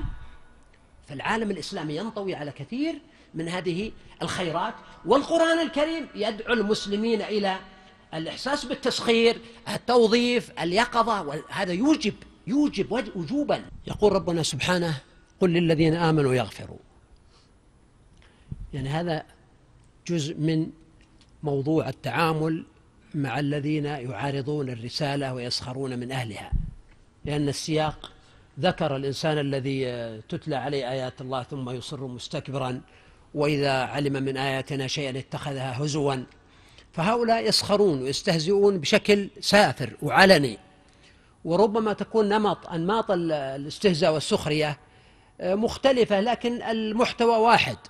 يعني في الماضي ربما واحد يطلقها كلمة في مجلس الآن ربما آه، يكون هذا السخرية ربما تكون مقالة في صحيفة وربما تكون حديثا في موقع إلكتروني ربما تكون آه، فيلما دراميا على الشاشة. وسائل آه، حديثة ولكنها تؤدي نفس الرسالة ونفس الغرض الذي هو السخرية بالإيمان والسخرية بأهله بكافة الوسائل.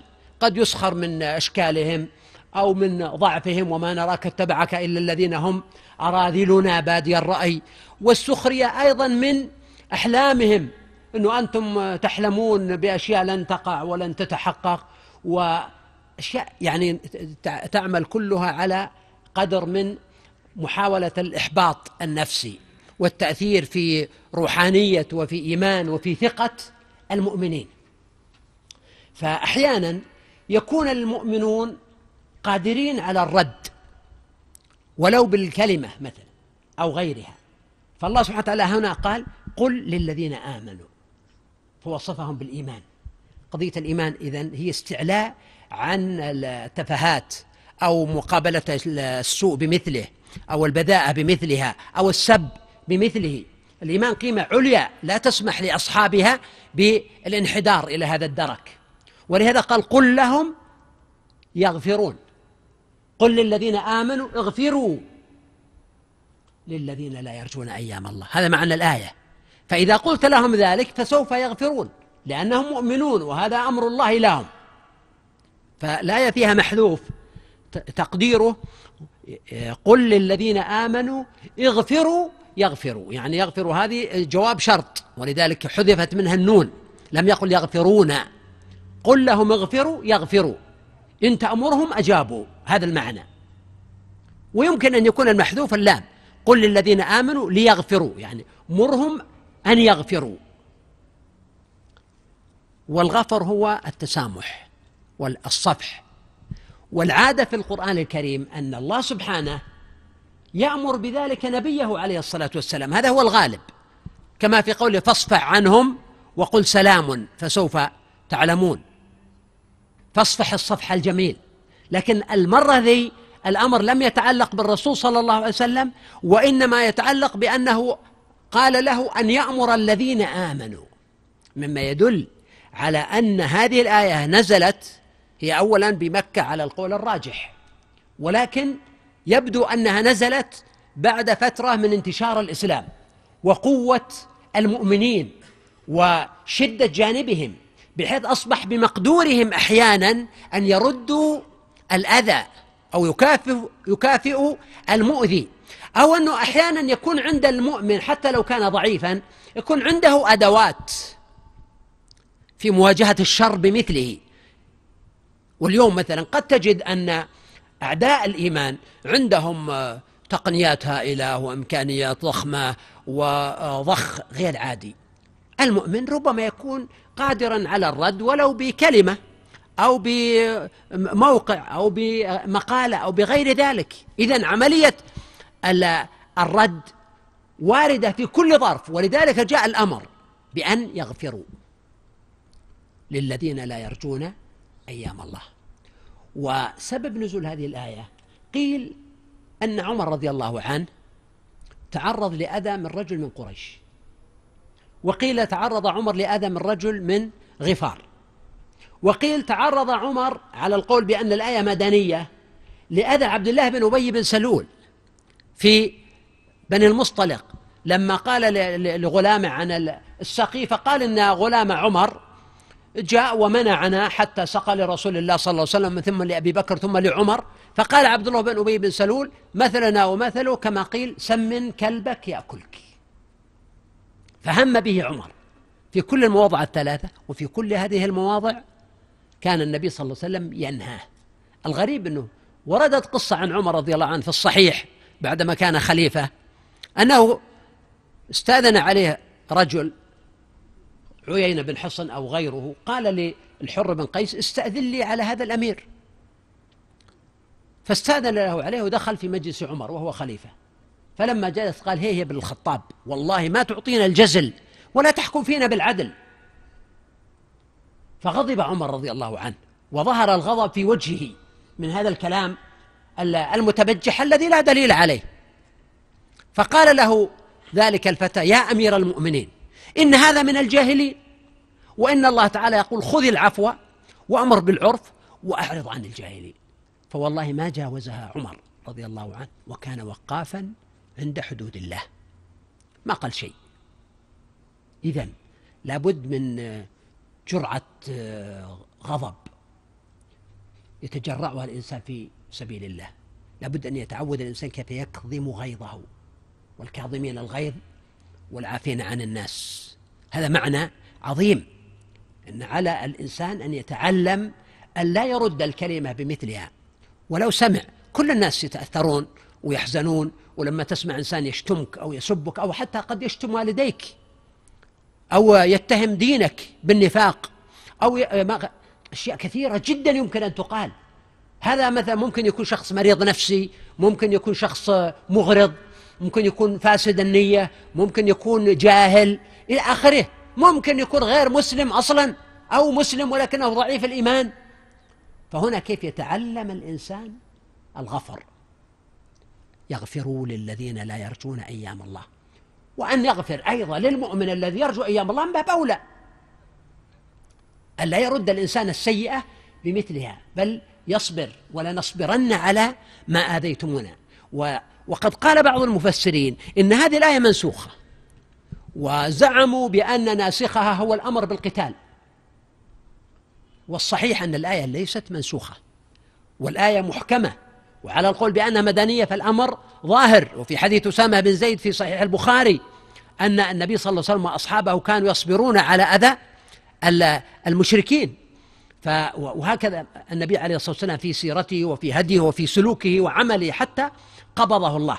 والآية لا تعارض مشروع الجهاد إذا كان قائما على أساس شرعي. يعني الجهاد في سبيل الله بأدواته بنظامه بأحكامه شيء وقضية الصبر على كلمات أو بذاءات أو سوء يصدر من بعض الكافرين الذين لا يرجون أيام الله أو من بعض ضعفاء الإيمان هذا شيء آخر. ينبغي أن ندرك أن بينهما انفصالا وأننا بأمس الحاجة اليوم وقد أتيحت هذه الوسائل الإعلامية التي تسمح بالتقاء الشرق والغرب والناس كلهم جميعا أن نتسامى عن رد السيئة بمثلها. إذا الآية ليست بمنسوخة وهي محكمة وباقية وليست معارضة للأمر بالجهاد متى آه، تحدد الجهاد بشرعه ونظامه وانضباطه. يغفر للذين لا يرجون أيام الله. إيش معنى لا يرجون أيام الله؟ المقصود هنا الكافرين. المقصود الكافرون. ولكن كونهم لا يرجون أيام الله إما أن يكون المعنى لا يخافون. الرجاء يكون معناه الخوف وهو يعني آه، يستخدم في لغة العرب. فيكون المعنى الذين لا يخافون أيام الله لأن الأيام غالبا ما تطلق على العذاب. الأيام التي فيها العذاب وفيها آه، المثلات وفيها الانتقام من الظالمين. ومن ذلك أيام العرب مثلا في الجاهلية.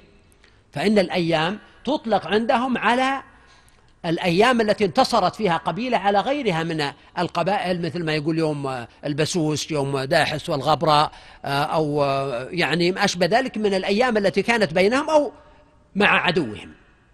فيحتمل أن يكون المقصود لا يرجون أيام الله يعني لا يخافون الأيام التي فيها عقاب الله للظالمين. ويحتمل أن يكون المعنى لا يرجون أيام الله يعني أنهم لا ينتظرون النصر من الله وإنما هم يعتمدون على أنفسهم أو يعتمدون على أوليائهم كما آه، جاء قبل قليل فينتظرون منهم نصرهم فهم لا ينتظرون النصر من عند الله سبحانه.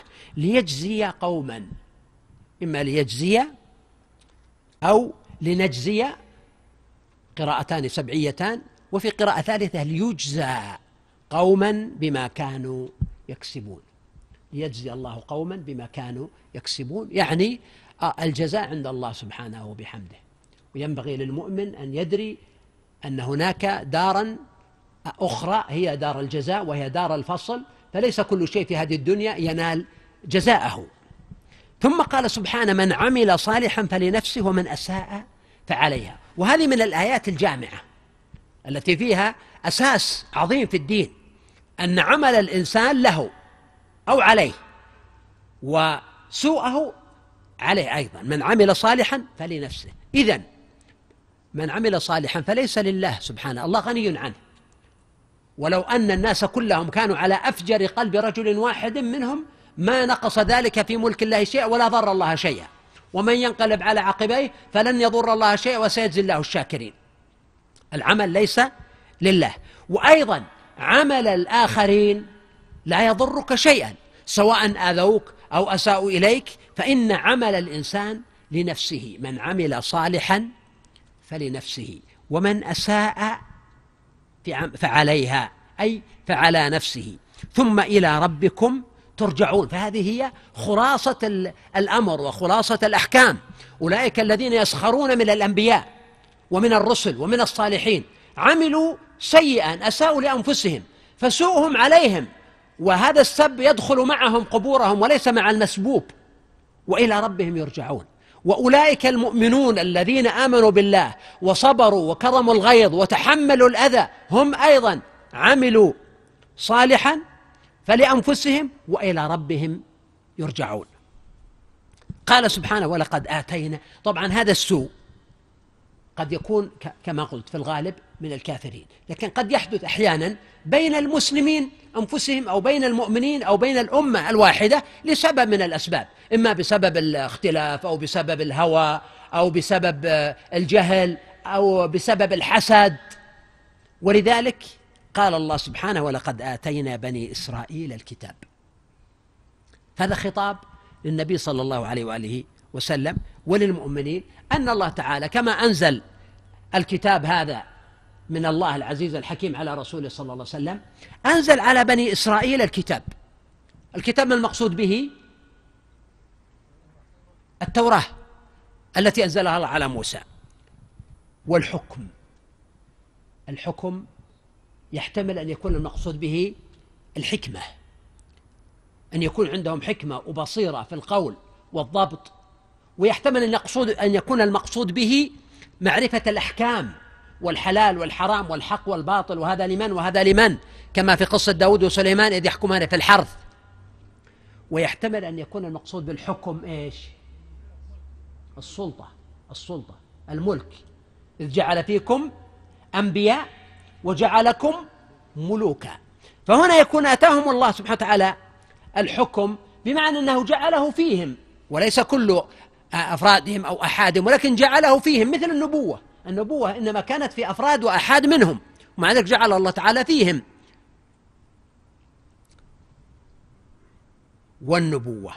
طبعا معناه الحكم أن الله سبحانه وتعالى أزال عنهم بطش فرعون وطغيانه وتسلطه عليهم ومنحهم الاستقلال فأصبح الحكم فيهم حكمهم فيهم وليس في غيرهم. ومع ذلك أن هؤلاء الناس أصبح عندهم الكتاب السماوي وعندهم الحكم والاستقلال أنه لا تحكمهم أمة من أمم الأرض تستعمرهم أو تتسلط عليهم. وكذلك جعل الله تعالى فيهم النبوة وما فيها من العظمة. ورزقناهم من الطيبات. وهذا الرزق أيضا شيء مهم. المال والثروة والرفاه المادي شيء أساسي. ومن رزق الله تعالى لهم الطيبات مثل إنزال المن والسلوى عليهم هذا من رزق الطيبات. ومثل أن الله تعالى مكنهم من حكم بلاد الشام التي ورد في التوراة أنها تفيض سمنا وعسلا. فالله تعالى مكنهم من بلاد الشام ومن الأرض المقدسة التي باركها الله تعالى والتين والزيتون وسيناء وطور سينين.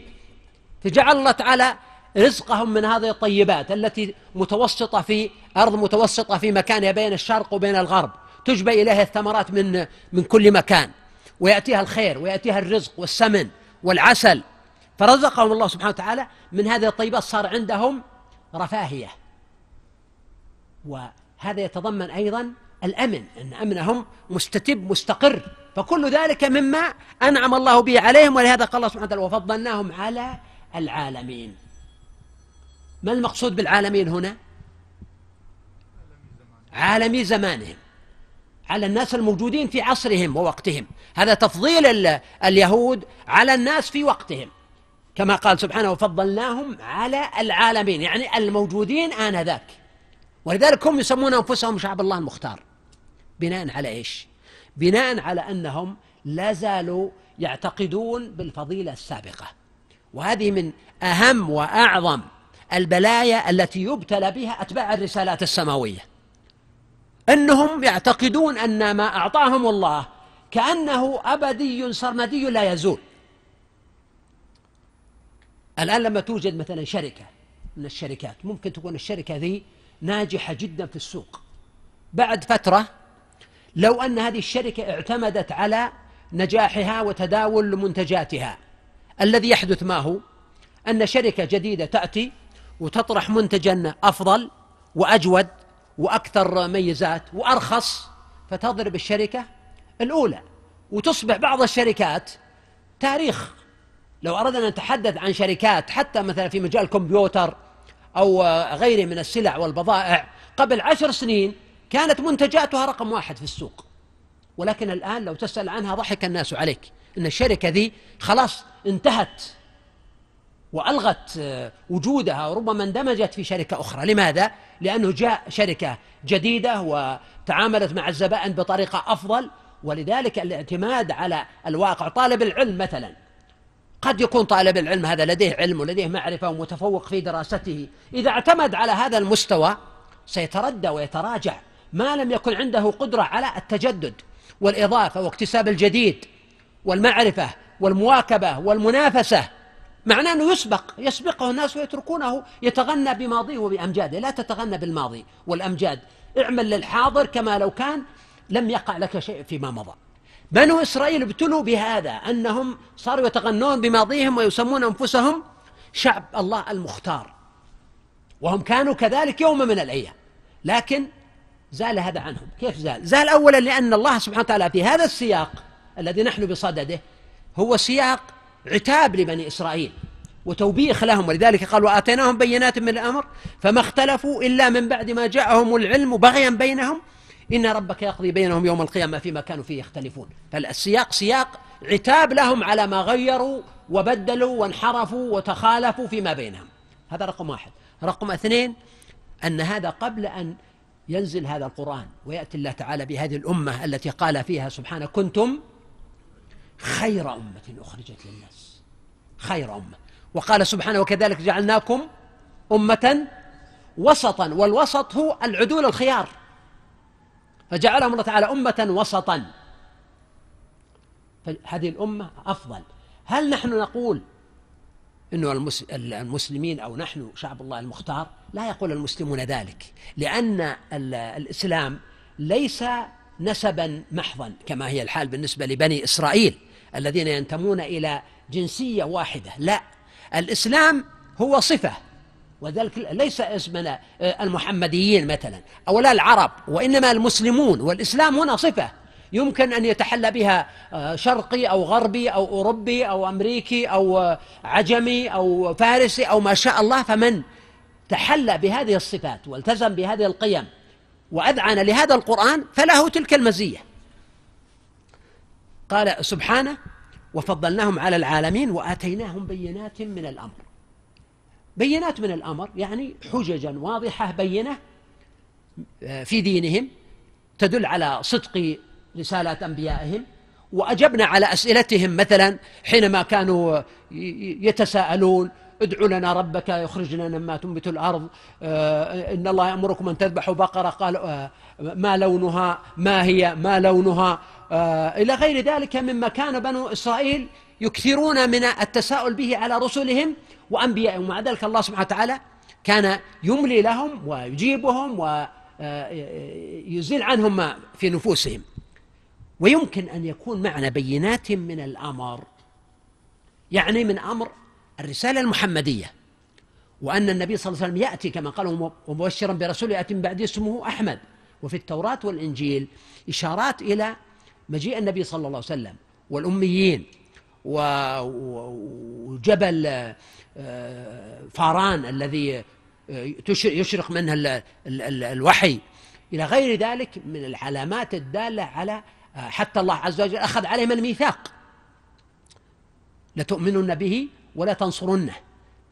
والرسل بلغوا ذلك. فهذا أيضا بينات من الأمر فما اختلفوا إلا من بعد ما جاءهم العلم. دائما الله سبحانه وتعالى في القرآن الكريم يذكر بني إسرائيل واليهود والنصارى أيضا بأنهم أوتوا العلم أو الذين أوتوا العلم. بينما أهل الوثنية أهل مكة يسميهم الذين لا يعلمون لأنهم وثنيون مشركون كانوا ولا علم عندهم حتى الكتابة لا يعرفونها. وإذا أراد واحد من أن يكتب أو يقرأ أو يتعلم كان يتعلم من اليهود حتى الخط كما خط الكتاب بكف يوما يهودي يقارب أو يزيد. كان واحد منهم لا يستطيع أن يفك الخط أحيانا. فيسميهم الأميين أو الذين لا يعلمون. بينما اليهود يسميهم أهل الكتاب أو يعني ما أشبه ذلك من لديهم العلم ولكن ليس لديهم العمل. فقال وآتيناهم بينات فما اختلفوا إلا من بعد ما جاءهم العلم. فذكر أنه جاءهم العلم. والشيء الغريب أن هذا العلم لم ينفعهم بل ضرهم. العلم يفترض أن يكون سببا في قلة الخلاف. ولكن هؤلاء الناس كان علمهم سببا في كثرة الخلاف. اختلفوا من بعد ما جاءهم العلم. لاحظ العلم الذي هو سبب في نقص الخلاف أو حصر الخلاف أصبح سببا في زيادة الاختلاف بينهم. وكذلك قال سبحانه بغيا بينهم. العلم الذي يكون سببا في التواضع ومعرفة حقوق الناس أصبح بالنسبة لهم سببا في البغي. ما هو البغي؟ البغي هو الظلم. أن يظلم بعضهم بعضا. يعني علماء يظلم بعضهم بعضا. علماء يؤذي بعضهم بعضا. علماء يعتدي بعضهم على بعض. علماء يحسد بعضهم بعضا. يبغي بعضهم على بعض. هكذا ذكر الله تعالى عن بني إسرائيل. اختلفوا وبغى بعضهم على بعض. البغي هنا. والبغي مصرعه وخيم. لو بغى جبل على جبل لدك الباغي. البغي معناه أنك تستغل خلافك مع شخص معين فتحاول أن تطيح به. أو تسبه بما ليس فيه أو تظلمه أو تعتدي عليه أو تتجاوز حق الله تعالى فيه. الله تعالى حذر أو ذكر هذا عن بني إسرائيل والمعنى المتضمن هو لهذه الأمة وللنبي صلى الله عليه وسلم ومن بعده من المؤمنين أن يتجنبوا طرائق أهل الكتاب. ولذلك قال إن ربك يقضي بينهم يوم القيامة فيما كانوا فيه يختلفون. بعض الاختلافات التي بين بني إسرائيل ربما أفضت عند كثير منهم إلى الحيرة لماذا؟ لأن الناس إذا اختلفوا يذهبون إلى من؟ إلى العلماء حتى يبينوا لهم الاختلاف طيب إذا كان العلماء هم سبب هذا الاختلاف فما تظن أن يكون شأن عوام الناس إلا الحيرة والتبلبل ولا يدرون أين يذهبون هنا أو هنا. ولذلك قال إن ربك يقضي بينهم يوم القيامة. وسبحان الله هذا فيه إشارة لطيفة وعظيمة أن كثيرا من الخلاف يحسن ويسعى الإنسان فيه أن يقول لا أدري. قد يكون طالب العلم وإن كان مبتدئا في العلم في ظنه أن كل مسألة لابد أن يلحف وراءها حتى يصل إلى منتهاها ويصل فيها إلى جواب أو نتيجة أو نهاية. لا يا أخي.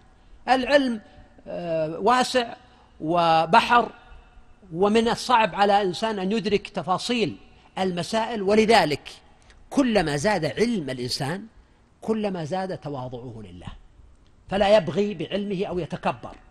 وكلما زاد تواضع الإنسان لله زادت جرأته على كلمة ما أعرف ما أدري الله أعلم. في مسائل قد يظن بعض الناس أنه كيف ما تعرف هذه؟ أجل من اللي يعرف؟ رحم الله من انتهى إلى ما سمع. هذا قدري وهذه طاقتي. أنا لا أعلم هذا الشيء. فيتجرأ بينما طالب العلم المبتدئ قد يرى في أن يقول لا أدري ولا أعلم قد يرى في ذلك نقصا في جنابه أو بخسا من قدره. يحاول أن يجاوب بأي وسيلة وبأي طريقة ويفذلك الكلام. بينما الله سبحانه وتعالى قال إن ربك يقضي بينهم. يعني ربما لم يقضى بينهم في هذه الدنيا. ومات المختلفون هذا يشتم هذا وهذا يسب ذاك وهذا يبغي وهذا يحسد. ويوم القيامة الله سبحانه وتعالى يفصل يقضي بمعنى يفصل بينهم فيما كانوا فيه يختلفون. ولأن الله سبحانه وتعالى لما ساق لنا قصة بني إسرائيل أراد لنا أن نعتبر كما كان يقول حذيفة رضي الله عنه كان يقول نعم الإخوة لكم بنو إسرائيل. يقولها ساخرا. إن كان لهم المر ولكم الحلو. يعني كلما ذكر الله تعالى عن بني إسرائيل من الأمراض والمصائب والمشاكل وغيرها إنما ساقها الله حتى تعتبروا أنتم وتنتبهوا لها ولا تقعوا فيما وقعوا فيه. أما إذا كنتم تتكلمون عنهم وتسبونهم لأنهم أمم ذهبت ثم تقعون في نفس الخطأ وفي نفس الزلل هذا شيء لا يمكن. العقوبة التي أتتهم سوف تأتيكم وما حل بهم سيحل بكم. ولهذا ورد في الحديث المشهور افترق بنو إسرائيل على إحدى اليهود وافترقت النصارى على ثنتين وستفترق هذه الأمة على ثلاث وسبعين. إذن ما جرى عليهم يجري عليكم إن لم تتفطنوا لأنفسكم وتراقبوا الله تعالى في أمركم. وهذا حقيقة مدعاة إلى التيقظ لمثل هذه المعاني. ولهذا قال هنا سبحانه قال ثم جعلناك. وثم هنا قد تعني التراخي الزمني. يعني بعدهم بزمن. وقد تعني التراخي الرتبي كما أسلفت قبل قليل يعني بعظمة وعلو مرتبة النبي صلى الله عليه وسلم وأمته على من قبلهم فيكون ذلك دليلا على فضيلة هذه الأمة وسبقها. ثم جعلناك على شريعة. على. لما نقول واحد مثلا ركب على السيارة أو جلس على الكرسي هذا يدل على إيش؟ أنه ها؟ متمكن. يدل على أنه متمكن. فلما قال ثم جعلناك على شريعة أشار إلى تمكن النبي صلى الله عليه وسلم وأمته من العلم وفضيلتهم وسبقهم. وفي ومن ذلك القرآن الكريم وأن الله تعالى بين فيها البيان المبين وتكفل بحفظه أيضا بخلاف الكتب السابقة. ومن ذلك سنة النبي صلى الله عليه وسلم التي فيها تفصيل لما أجمل في القرآن الكريم والتي تكفل بحفظها الجهابذة أيضا. واعتنى العلماء بحفظها وصيانتها. فهذا من معاني التمكن من الشريعة. ثم جعلناك على شريعة. ولذلك العلم في هذه الأمة أعظم بكثير من العلم الموجود عند بني إسرائيل وأكثر صفاء وأبعد عن ما يشوبه. فقال جعلناك على شريعة. والشريعة هي الأمر المشروع مثل ما نقول الشارع الآن لأن الناس يمشون فيه. فالشريعة إذن في الأصل هي المورد مورد الماء. ولما رأت أن الشريعة وقتها وأن آه، آه، من آه، تيممت الماء الذي دون ضارج يفيء إليها الظل عرمضها طامي. فالشريعة هي مورد الماء الذي يرده الناس وترده الإبل وترده الأقوام أو المشرع. وهذا واضح أنه طريق مطروق. المقصود هنا بالشريعة جعلناك على شريعة من الأمر. جرت العادة والعرف أن الناس يقسمون الدين الآن إلى قسمين شريعة و والثاني ما هو؟ عقيدة. فيقصدون بالعقيدة الإيمان ويقصدون بالشريعة إيش؟ الأحكام والحلال والحرام. ولذلك يعني هذا متداول عند الناس. إنما المقصود في القرآن ليس هذا. المقصود في القرآن الكريم الدين. جعلناك على ملة شريعة الملة. وأصول الإيمان فيها أهم من الفروع. ولذلك الأئمة والعلماء الأجري مثلا ألف كتاب الشريعة. الشريعة هذا ليس ليس في الأحكام وإنما هو في الإيمان. فقوله سبحانه جعلناك على شريعة من الأمر يعني على ملة وعلى دين وعلى منهج واضح. وهي الشرعة أيضا. لكل جعلنا منكم شرعة ومنهاجا. فاتبعها ولا تتبع أهواء الذين لا يعلمون. إذا عندك الشريعة وعندك الهوى. فاتبع الشريعة ولا تتبع أهواء الذين لا يعلمون. الخطاب للنبي صلى الله عليه وسلم. والنبي قد عصمه ربه. ولهذا قال ولولا أن ثبتناك لقد كدت تركن إليهم شيئا قليلا. فيكون الخطاب هنا إذن وإن كان موجها إلى النبي صلى الله عليه وسلم يكون الخطاب لأمته. يعني يا معشر المؤمنين اتبعوا ما أنزل الله تعالى عليكم من الشريعة ولا تتبعوا أهواء الذين لا يعلمون. وأيضا الخطاب هنا في تلميح لمعارضي النبي صلى الله عليه وسلم من المشركين وغيرهم إلى أنه لا حيلة ولا سبيل إلى أن يطيعكم النبي صلى الله عليه وسلم فيما تحاولون. وقد كانوا يحاولون في مكة كما ورد في سبب نزول هذه الآية أن بعضهم كانوا يأتون للنبي صلى الله عليه وسلم ويقولون له اترك ما تقول الآن وعد إلى ما كان عليه آباؤك وأجدادك فإنهم كانوا أعلم منك. فالله تعالى قال اتبع الشريعة ولا تتبع أهواء الذين لا يعلمون. فالآية هنا فيها نوع من التيئيس تيئيس الكفار والمشركين أن يسمع لهم النبي صلى الله عليه وسلم أو يطيعهم فيما يحاولون. ولما يأمرنا الله سبحانه وتعالى باتباع الشريعة يكون هذا من أعظم محكمات الدين. هذا من المحكمات. إذا الحكم بالشريعة في أفرادنا في سلوكنا العائلي والأسري في معارفنا وعلومنا في وسائل إعلامنا في محاكمنا في حياتنا الخاصة والعامة والإجتماعية والاقتصادية والسياسية. كل ذلك مما تتضمنه الشريعة. أحيانا يصبح الكلام عن الشريعة أو حديث كثير من الناس عن الشريعة كلاما يتعلق بالشعار أكثر ما يتعلق بالواقع. بعض الناس ربما لا يكون عنده التمكن وليس عنده المعرفة فقد يريد أن يطبق الشريعة ولكنه لا يعرف هذه الشريعة فيقع له بذلك الحيرة. وقد يقع بسبب ذلك الفتنة. وقد يقع بسبب ذلك الاختلاف كما أشار الله عن بني إسرائيل. وقد يقع بسبب ذلك البغي.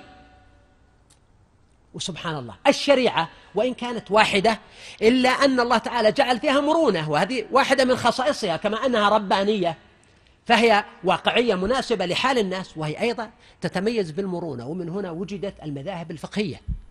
لو جاء واحد وقال لك طيب أنتم تنادون وتطالبون بتطبيق الشريعة.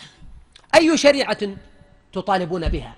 تطالبون بتطبيق المذهب الحنبلي أو الحنفي أو الشافعي أو المالكي أو الأوزاعي أو الظاهري أو أو المذاهب الإسلامية كثيرة. نقول كل ذلك هو من الشريعة. هؤلاء الأئمة ما كانوا يعتمدون في استنباطهم على الإنجيل ولا على التوراة ولا على الكتب السابقة وإنما كانوا يستنبطون من القرآن ومن السنة. وهذه المسائل فيها سعة لأنها من قضايا الفروع. وهناك ما هو إجماع للأئمة الأئمة الأربعة وغيرهم فهذا الإجماع لا يسع أحدا أن يخرج عنه. وهناك ما اختلفوا فيه فهنا الإنسان وهذا المعنى اللطيف الرائع شف لما قال فاتبعها ولا تتبع أهواء فحتى في المذاهب لا تتبع الهوى. بمعنى والله لو إنسان واحد يريد أن يأخذ بالقول الذي يهواه. طيب ليش اتبعته مثلا؟ هذا القول قال لك والله مجرد مزاج أو تشهي يقول هذا هوى ليس من الشريعة وأن وافقها في حقيقة الأمر. ولكن لو أن إنسانا أخذ بهذا القول اجتهادا. قال والله على حسب علمي أو أن عالما أثق به أفتاني بهذا الموضوع. المهم هناك ضرب من الاجتهاد ولو يسير بقدر علم الإنسان. فهنا يكون قد أخذ من الشريعة. وذلك شوف الفاصل وإن كان يسير إلا أنه مهم بين الشريعة وبين الأهواء. إنسان لا يتشهى في الشريعة يأخذ بالمزاج مثلا أو يأخذ بالقول مجرد أنه قيل.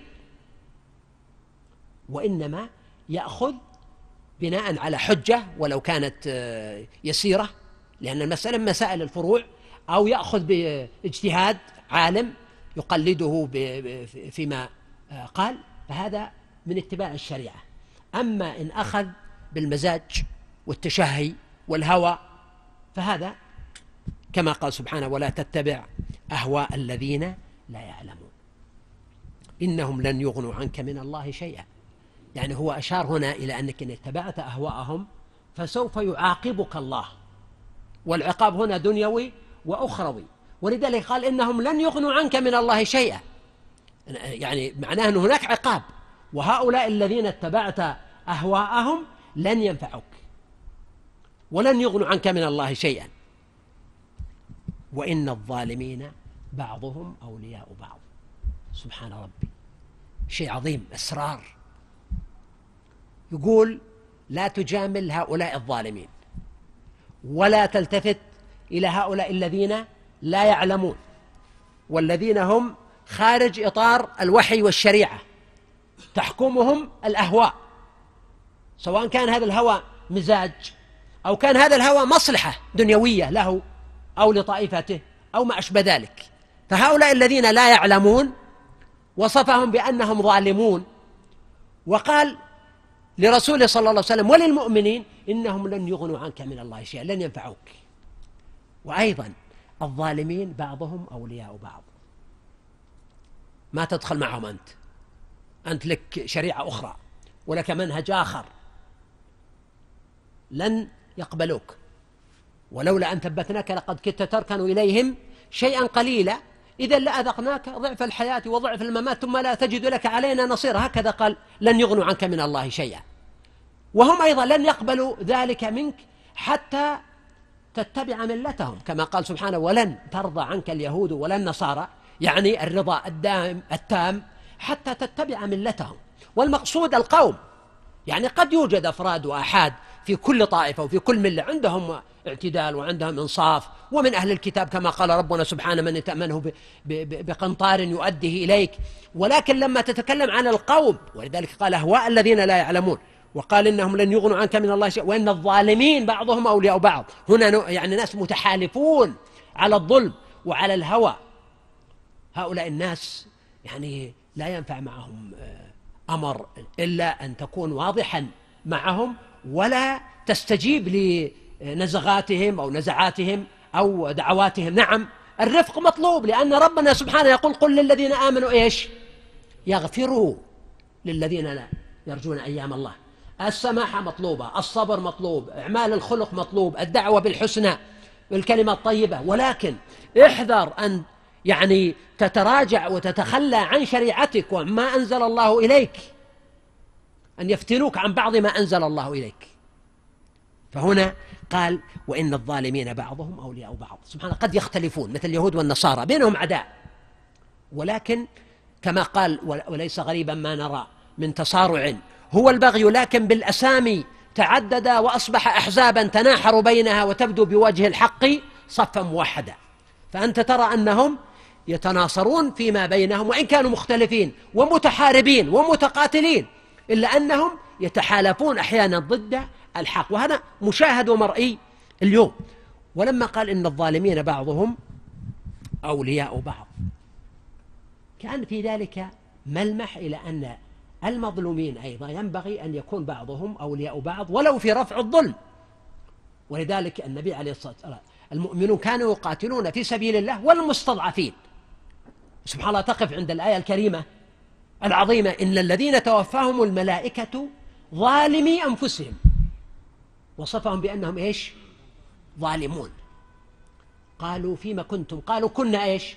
مستضعفين في الأرض. مع أنهم مستضعفين وصفهم بأنهم ظالمون.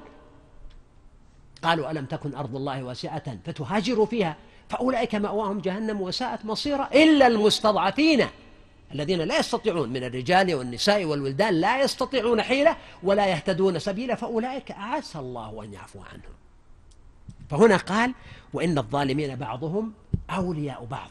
إذا يمكن أن يكون هناك أحيانا آه، تساعد على خير على رفع الظلم. ولذلك في الجاهلية النبي صلى الله عليه وسلم قال شهدت حلفا في دار عبد الله بن جدعان كما في الصحيح. تناصروا فيه على نصرة المظلوم. يقول النبي صلى الله عليه وسلم ولو دعيت إلى مثله في الإسلام لأجبت فهذا معنى قرآني عظيم. والله ولي المتقين. يعني لا تضرك لا يضرك أن يتحالفوا وبعضهم أولياء بعض وكثرتهم وشدتهم لأن الله ولي المتقين يعني ناصرهم ومعينهم. قال سبحانه هذا يعني هذا القرآن بصائر للناس وهدى ورحمة لقوم يوقنون. لاحظ البصائر مفرد ولا جمع؟ جمع.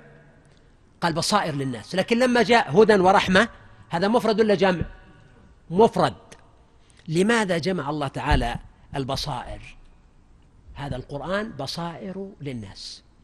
جمع الله البصائر لأن البصيرة هي حاسة روحانية مثل ما عند الإنسان سمع وعنده بصر وذلك دائما البصر يقابل البصيرة نقول هذا فتح الله على بصري وبصيرته ولا نقول فلان أعمى الله بصره وبصيرته يعني يكون أعمى ويكون ضالا مثل ما يتكلم بعضهم أحيانا عن أدباء أو شعراء أو غيرهم. إذا البصيرة هنا هي عبارة عن حاسة داخلية إيمانية روحانية يمنحها الله تعالى من يشاء من عباده. فقال هذا بصائر للناس لأن كل إنسان عنده بصيرته الخاصة التي يأخذ بها من القرآن ما فتح الله عليه. وقال بصائر للناس. فيتفاوت الناس في فهمهم للقرآن بحسب البصيرة التي أعطاهم ربنا سبحانه. ولهذا لما سئل علي رضي الله عنه هل خصكم رسول الله صلى الله عليه وسلم بشيء؟ آل البيت. قال لا. والذي برأ الحبة النسمة وفلق الحبة. إلا فهما أوتيه رجل في كتاب الله. هذه بصيرة. وما في هذه الصحيفة. إذن قال هذه هذا بصائر لأنه قال للناس. فكل أحد من الناس عنده بصيرة لو أحسن استخدامها. وفي ذلك دعوة للناس إلى تدبر القرآن والوقوف عنده حتى من غير العلماء. يعني ليس تدبر القرآن حكرا على العلماء لأن من القرآن ما يعلمه عامة الناس. وقد تجد من العوام من يقرأ قصص الأنبياء مثلا أو أخبار الجنة والنار والوعد والوعيد والآخرة أو الوعظ فيتأثر ويبكي. لذلك ولا وقد لا يقع هذا عند عالم أو طالب علم. فمن القرآن ما يفهمه عامة الناس وخاصتهم. ومن القرآن ما لا يفهمه إلا الخاصة من الناس وابن عباس رضي الله عنه ذكر أصناف القرآن وأنواعه وما تعرفه العرب من لغاتها.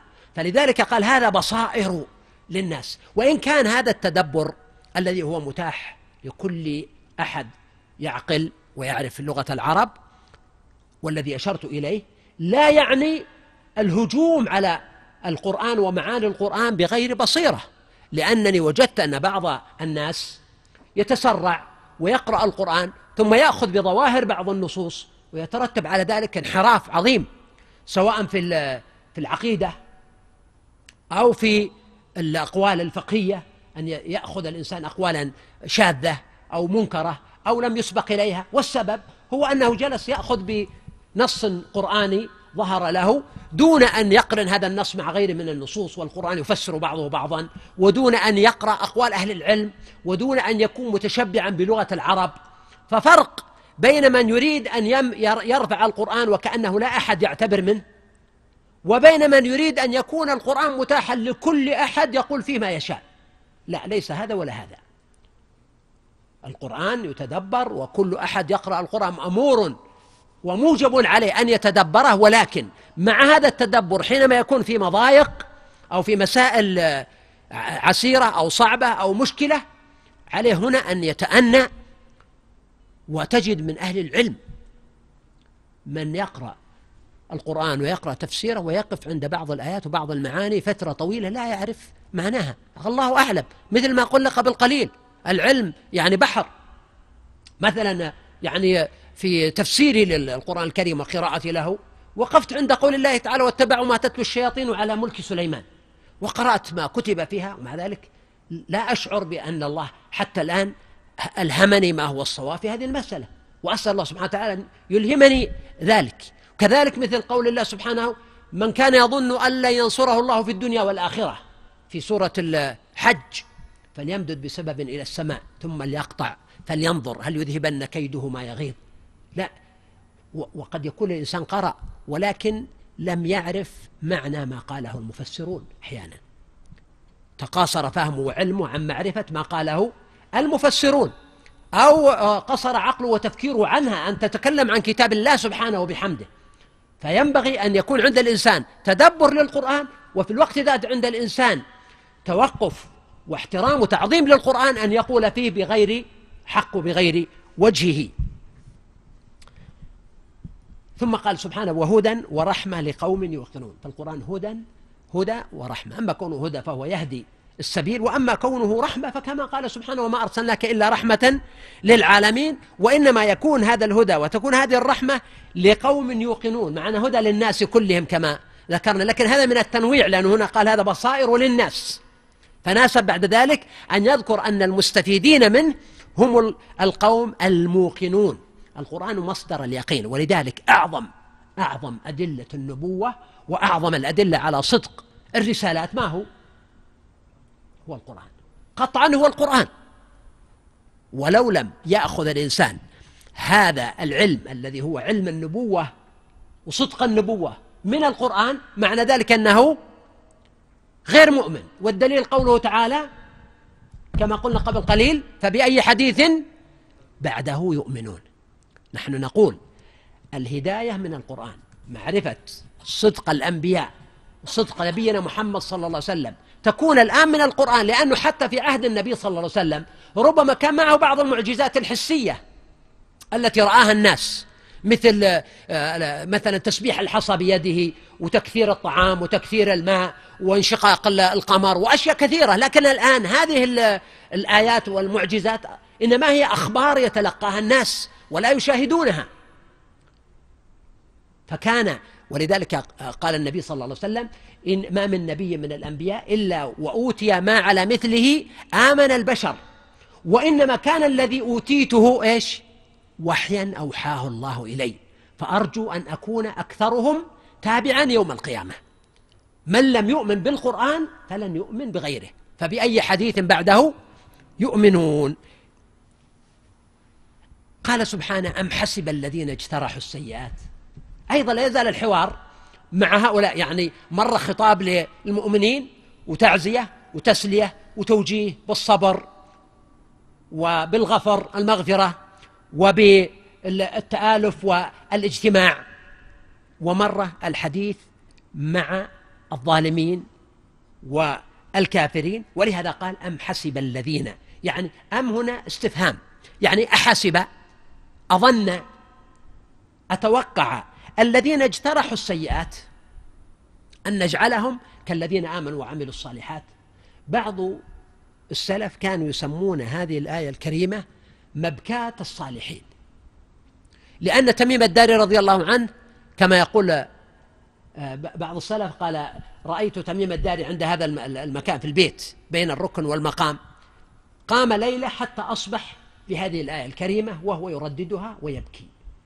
أم حسب الذين اجترحوا السيئات أن نجعلهم كالذين آمنوا وعملوا الصالحات سواء محياهم ومماتهم ساء ما يحكمون. وكذلك الربيع بن خثيب والفضل بن عياض وجماعة من السلف كانوا يقفون عند هذه الآية ويبكون يخرون سجدا وبكيا لأن في الآية وعيد وفيها تهديد وأنه لا أحد يغتر. والقصة ليست ادعاء ولا أماني. قال أم حسب هل ظن الذين اجترحوا؟ واجترحوا معناها كسبوا. ومنه سميت الجوارح ويعلم ما جرحتم بالنهار. يعني ما أصبتم أو ما فعلتم. فهذا معنى اجترحوا. وإن كان الغالب أنها تطلق على عمل السوء. لكن أيضا تطلق على مجمل الفعل.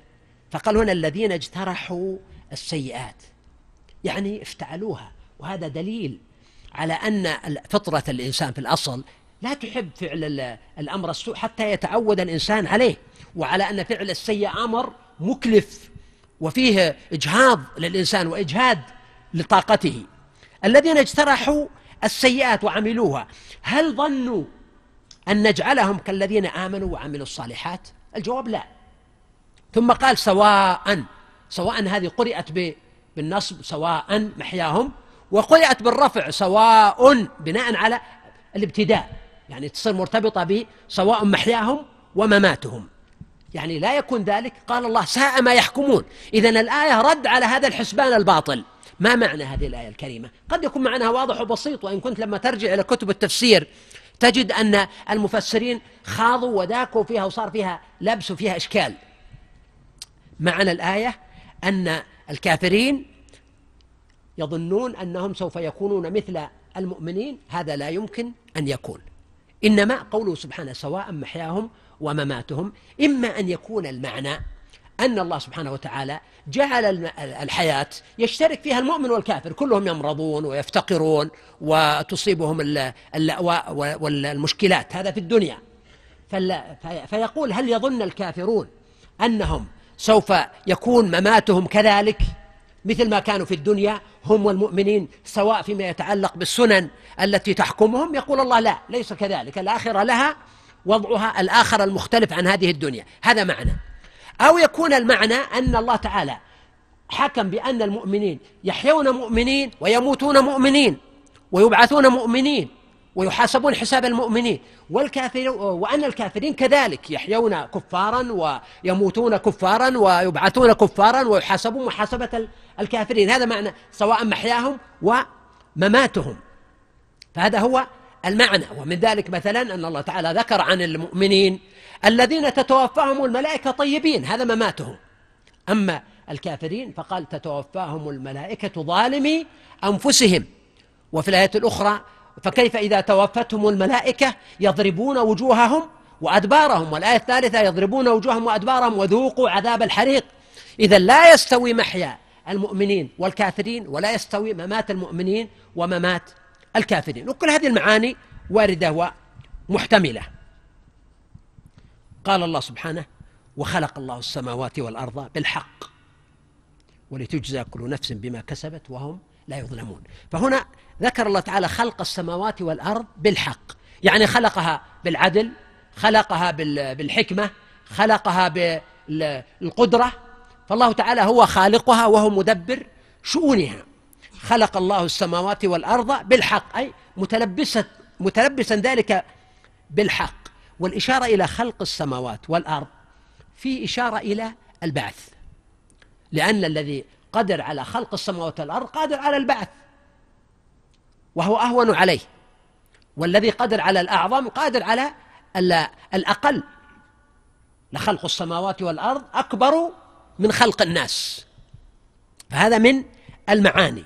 وأيضا من معاني الآية أنه لما قال وخلق الله السماوات والأرض بالحق يعني الكلام الذي يقوله أولئك من جهة أنهم والمؤمنون سواء في محياهم ومماتهم في محياهم ومماتهم هذا منافي للحكمة ومنافي للعدل ومنافي للحق.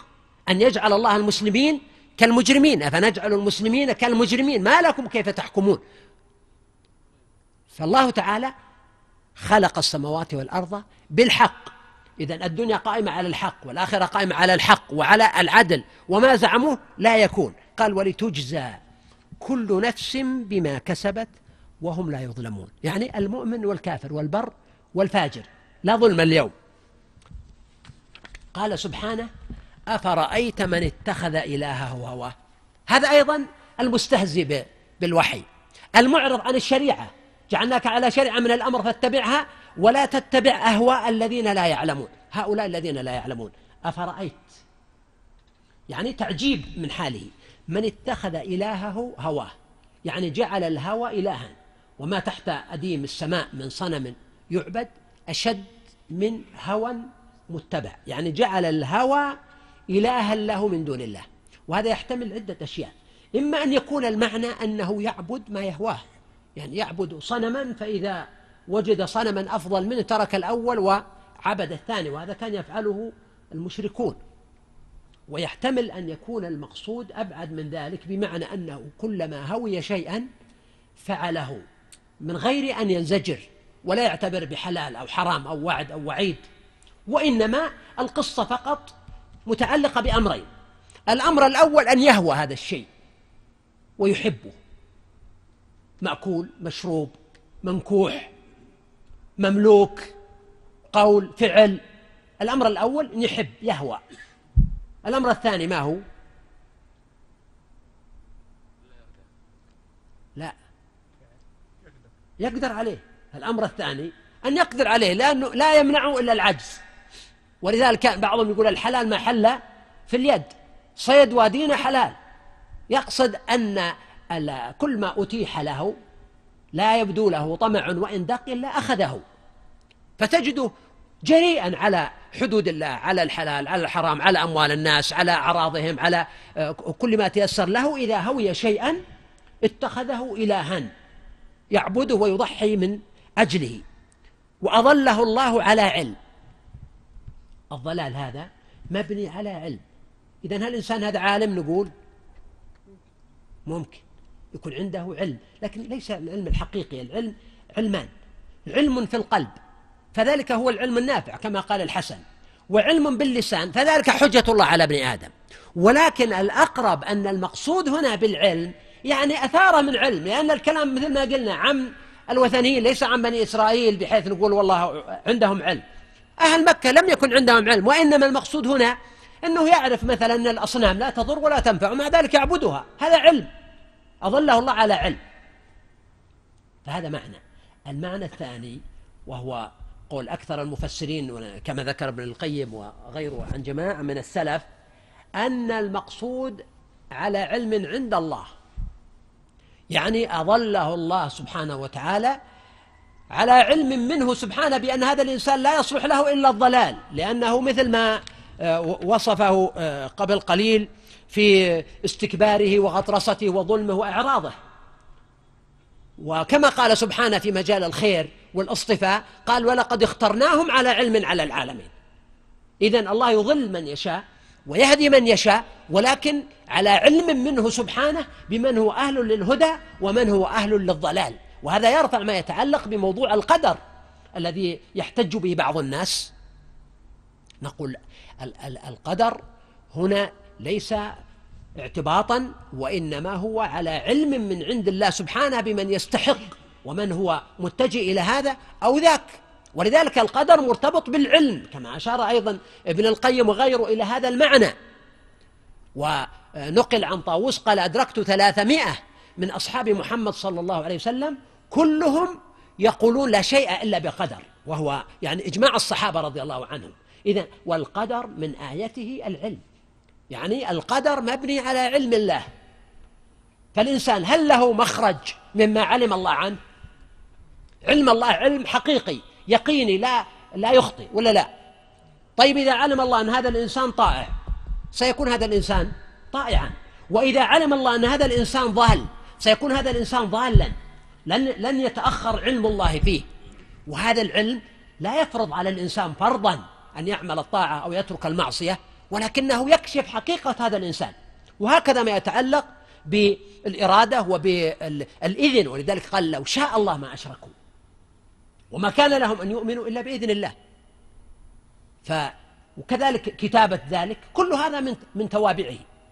فهنا قال وأظله الله على علم يعني معناه على علم من الله سبحانه وتعالى بأن هذا الإنسان من أهل الضلال. ثم قال وختم على سمعه وقلبه. شوف الآية فيها حديث عن السمع الأدلة السمعية زي ما قلنا لكم التي هي أدلة الوحي والوحدانية أدلة القرآن. هذه أدلة تسمى سمعية لأنها تدرك بالسمع وليس تدرك بالنظر أو بالعقل فتسمى أدلة سمعية ولذلك هنا قال وختم على سمعه فبدأ بالسمع لماذا؟ لأن هذا الإنسان لا يسمع حتى أقنعوا أحد آه، الناس كما في قصة الطفيل أنه يضع في أذنه ماذا؟ القطن حتى لا يتسلل إليه شيء من كلام النبي عليه الصلاة والسلام ثم بعد ذلك أراد الله هدايته. فهؤلاء الناس ختم الله على سمعهم وقدم السمع هنا. ثم قال وقلبه وجعل على بصره غشاوة. إذا الختم على السمع والقلب وعلى البصر غشاوة. في سورة أخرى ورد في هذا المعنى سورة البقرة. ختم الله على قلوبهم وعلى سمعهم. ثم قال سبحانه وعلى أبصارهم غشاوة. إذا البصر واضح عليه غشاوة. والغشاوة هي ما يغطي البصر بحيث الإنسان لا يرى. وقراءتان غشوة أو غشاوة والمعنى واحد. فهذا لا يرى. لكن نرجع للقلب. الأصل السمع أو البصر أو القلب. قطعا الأصل هو القلب. يعني الذي ينصرف ويصد هو القلب. الإنسان يكون معرضا بقلبه فإذا أعرض الإنسان بقلبه لم ينفعه سمعه ولا بصره. وهؤلاء الناس الذين يتكلم الله عنهم هنا هم الذين تكلم الله عنهم في سورة البقرة. ولكن السياق أحيانا يكون فيه تقديم أو تأخير بموجب السياقات من قبله. فحيث ذكر الله تعالى هنا يعني هؤلاء الناس الذين أظلهم الله تعالى على علم فأعرضوا عن عن سماع الوحي وقابلوه بالهزء والسخرية والإصرار والاستكبار بدأ بالسمع. ثم ثنى بالقلب. وفي تلك السورة في البقرة اعتبر الأصل الذي هو الأصل القلب يعني صدود القلب ثم يترتب عنه إعراض الجوارح بحيث الإنسان مثلا تبي تقنعه بفكرة وهو ما عنده استعداد يسمع. كيف؟ تحقن حقن المعلومة عنده؟ ما لا يريد أن يسمعك. لا يمكن. حتى لو إيش يقول؟ لقد أللتك أذنا غير صاغية ورب منتصت والقلب في صمم. يمكن إنسان واحد ساكت ولكن هو أصم لأنه لا يستمع إليك. فقط يريد متى تسكت حتى يأخذ هو زمام الحديث مثلا أو يرد عليك. قال وجعل على بصره غشاوة. فمن يهديه من بعد الله؟ إذا الله تعالى كتب لهذا الإنسان هذا الضلال. فمن يهديه من بعد الله؟ أي لا أحد. يهديه من بعد الله أفلا تذكرون؟ قراءة أفلا تذكرون بالتخفيف أو أفلا تذكرون. وقد ذكرت يعني بعضهم أو العلماء يذكرون هذه الآية الكريمة على أساس أنها حجة على القدر حجة للقدر وحجة على القدرية وهو معنى صحيح أنه لو شاء الله لآمن من في الأرض كلهم جميعا. لكن لا يعني ذلك جبر الله الناس على الضلال كما أشرت وإنما هذا ما اختاروا لأنفسهم لمن شاء منكم أن يستقيم وما تشاءون إلا أن يشاء الله. قال سبحانه وقالوا ما هي إلا حياتنا الدنيا نموت ونحيا وما يهلكنا إلا الدهر. هذه والله أعلم. فئة من المشركين. لأنك لما تتكلم عن مشركي مكة لا تتكلم عن جماعة منضبطة في معارفها وعلومها وإيمانها وعقائدها لا. وإنما عندهم ألوان وأشكال. وأيضا الواحد منهم قد يصبح اليوم على رأي وغدا يصبح على رأي آخر لأنهم ليسوا على شيء. ليسوا على شيء ثابت. ولذلك حكى الله عنهم في القرآن ألوان مختلفة. مثلا ولئن سألتهم من خلق السماوات والأرض يقولون من؟ لا يقولون الله. فهم يعترفون أحيانا نقول بعضهم يعترفون بأن الله هو الذي خلق السماوات والأرض وهذا يستخدم في إقامة الحجة عليهم. لكن هنا مجموعة ثانية أو حتى أفراد في بعض الحالات لأن إيمانهم بالله إيمان شكلي إيمان آه، غفلة إيمان ظاهر ولذلك الواحد منهم ممكن يؤمن وممكن يسب. إلهه أو يسب دينه ويمكن ينكره ويمكن يقول كلام وهو لا يعتقده لأن قضية الدين والعقيدة لم تؤخذ منه لم تؤخذ عنده مأخذ الجد والحزم. ولذلك الله تعالى قال إنه لقول فصل وما هو بالهزل. وقال سبحانه يا يحيى خذ الكتاب بقوة. هنا مسائل يعني تتطلب أن يأخذها الإنسان بصبر ومستعد يضحي من أجلها ويصبر عليها ويتحمل. هنا هم أو مجموعة منهم أو بعضهم في بعض الأحيان يقولون ما هي إلا حياتنا الدنيا. القصة ما فيها آخرة. لا يؤمنون بالبعث القيامة مع أن هذا مفصل طريق الذي يؤمن بيوم القيامة. يؤمن بالبعث بعد الموت. تختلف الموازين عنده نهائيا. مع أنه ممكن في أشياء يفوتها وفي أشياء يتركها لله وفي أشياء ينتظرها عند الله. ويعني إنما نطعمكم لوجه الله ويؤثرون على أنفسهم ولو كان بهم خصاصة وقد يتحمل الأذى في سبيل الله لأن الموضوع عنده مختلف تماما. أما حينما يعتقد الإنسان أن القصة هي فقط هذه الحياة الدنيا فالمعايير قطعا ستكون معايير مرتبطة بأكبر قدر من المنافع والمصالح والشهوات واللذائذ التي يستطيع الحصول عليها. ولذلك القرآن. عناية القرآن بهذه الأصول عظيمة. حتى التكرار مقصود بحيث الإنسان يعني مع مع التكرار يتعلم أكثر يحس بالأهمية. حينما تنظر للسماء للأرض للخلق النوم اليقظة كل شيء يذكرك بالله ويذكرك بالدار الآخرة. حتى, حتى النوم واليقظة تذكر الإنسان بالموت والبعث بعد الموت. هؤلاء الناس الأمر عنده فيه لا مبالاة. فهم يقولون ما هي إلا حياتنا الدنيا؟ الأمر مقصور على هذه الحياة الدنيا. ثم قالوا نموت ونحيا. لماذا قدموا الموت على الحياة؟ ما قالوا نحيا ونموت. لا. إما أنهم قصدوا الموت اللي يوم كانوا قبل أن يوجدوا العدم. وكنتم أمواتا فأحياكم. فهذا معنى. وإما أن يكون المقصود أنه يموت قوم ويحيا آخرون. الحياة هكذا فلان توفي وفلان ولد له البارح ما شاء الله مولود. وإما أن يكون المقصود نموت نحن ويحيا أبناؤنا من بعدنا. والاحتمال الرابع أنهم قدموا الموت هنا هذا كلام المشركين لأنه هو المقصود.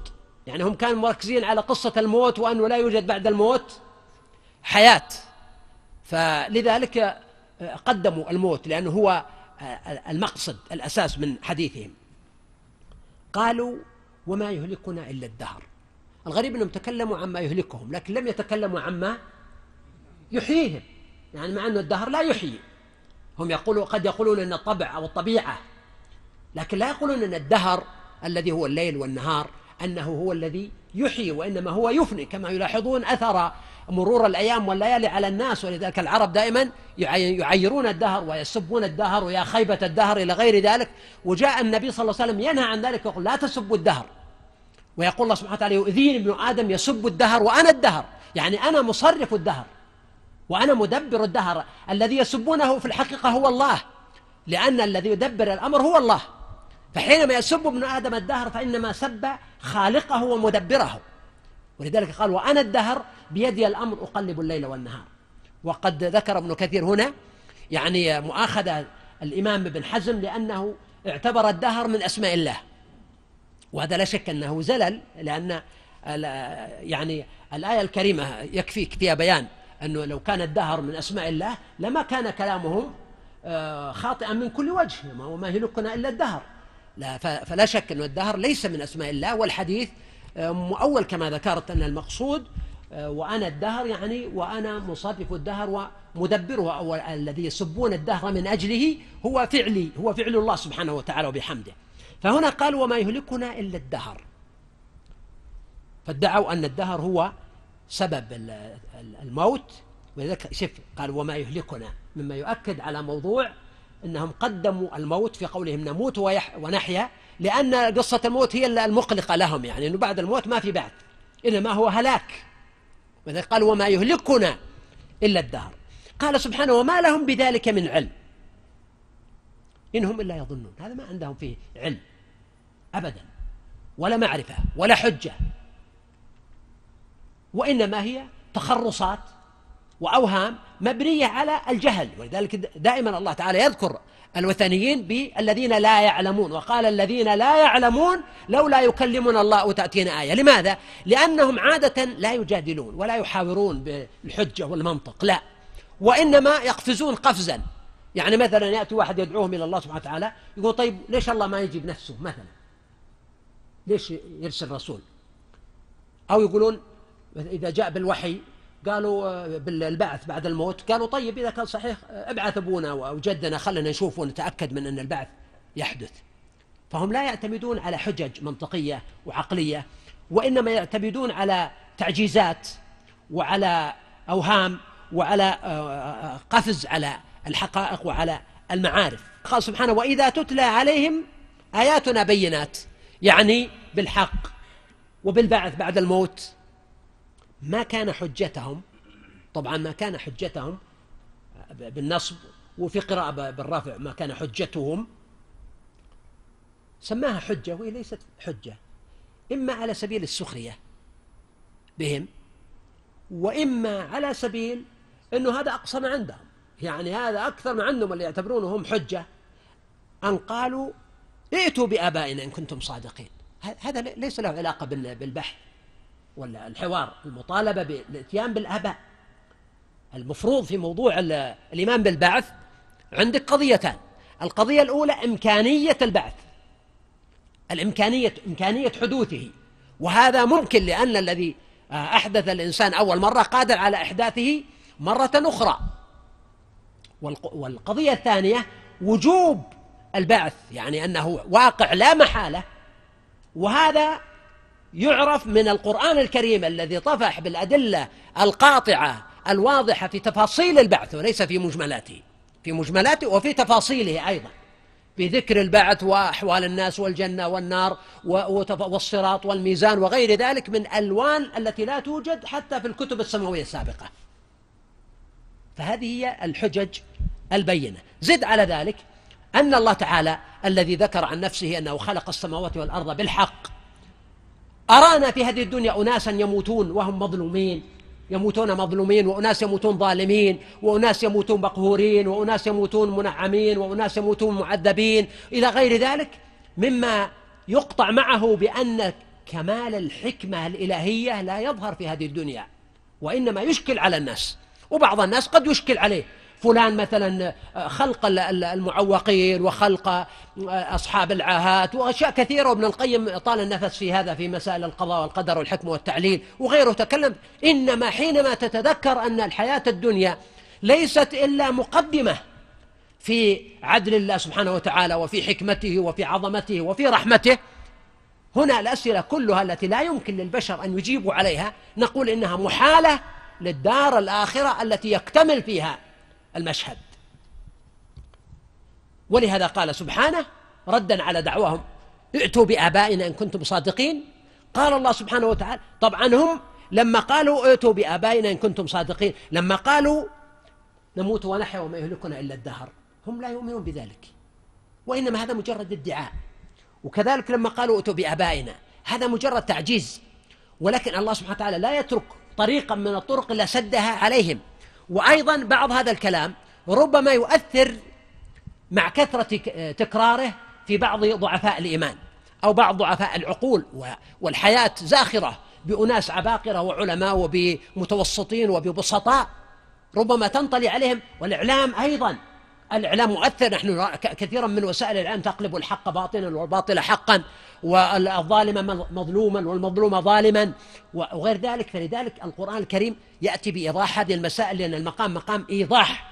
فقال الله سبحانه وتعالى قل الله يحييكم وليس الدهر كما تدعون.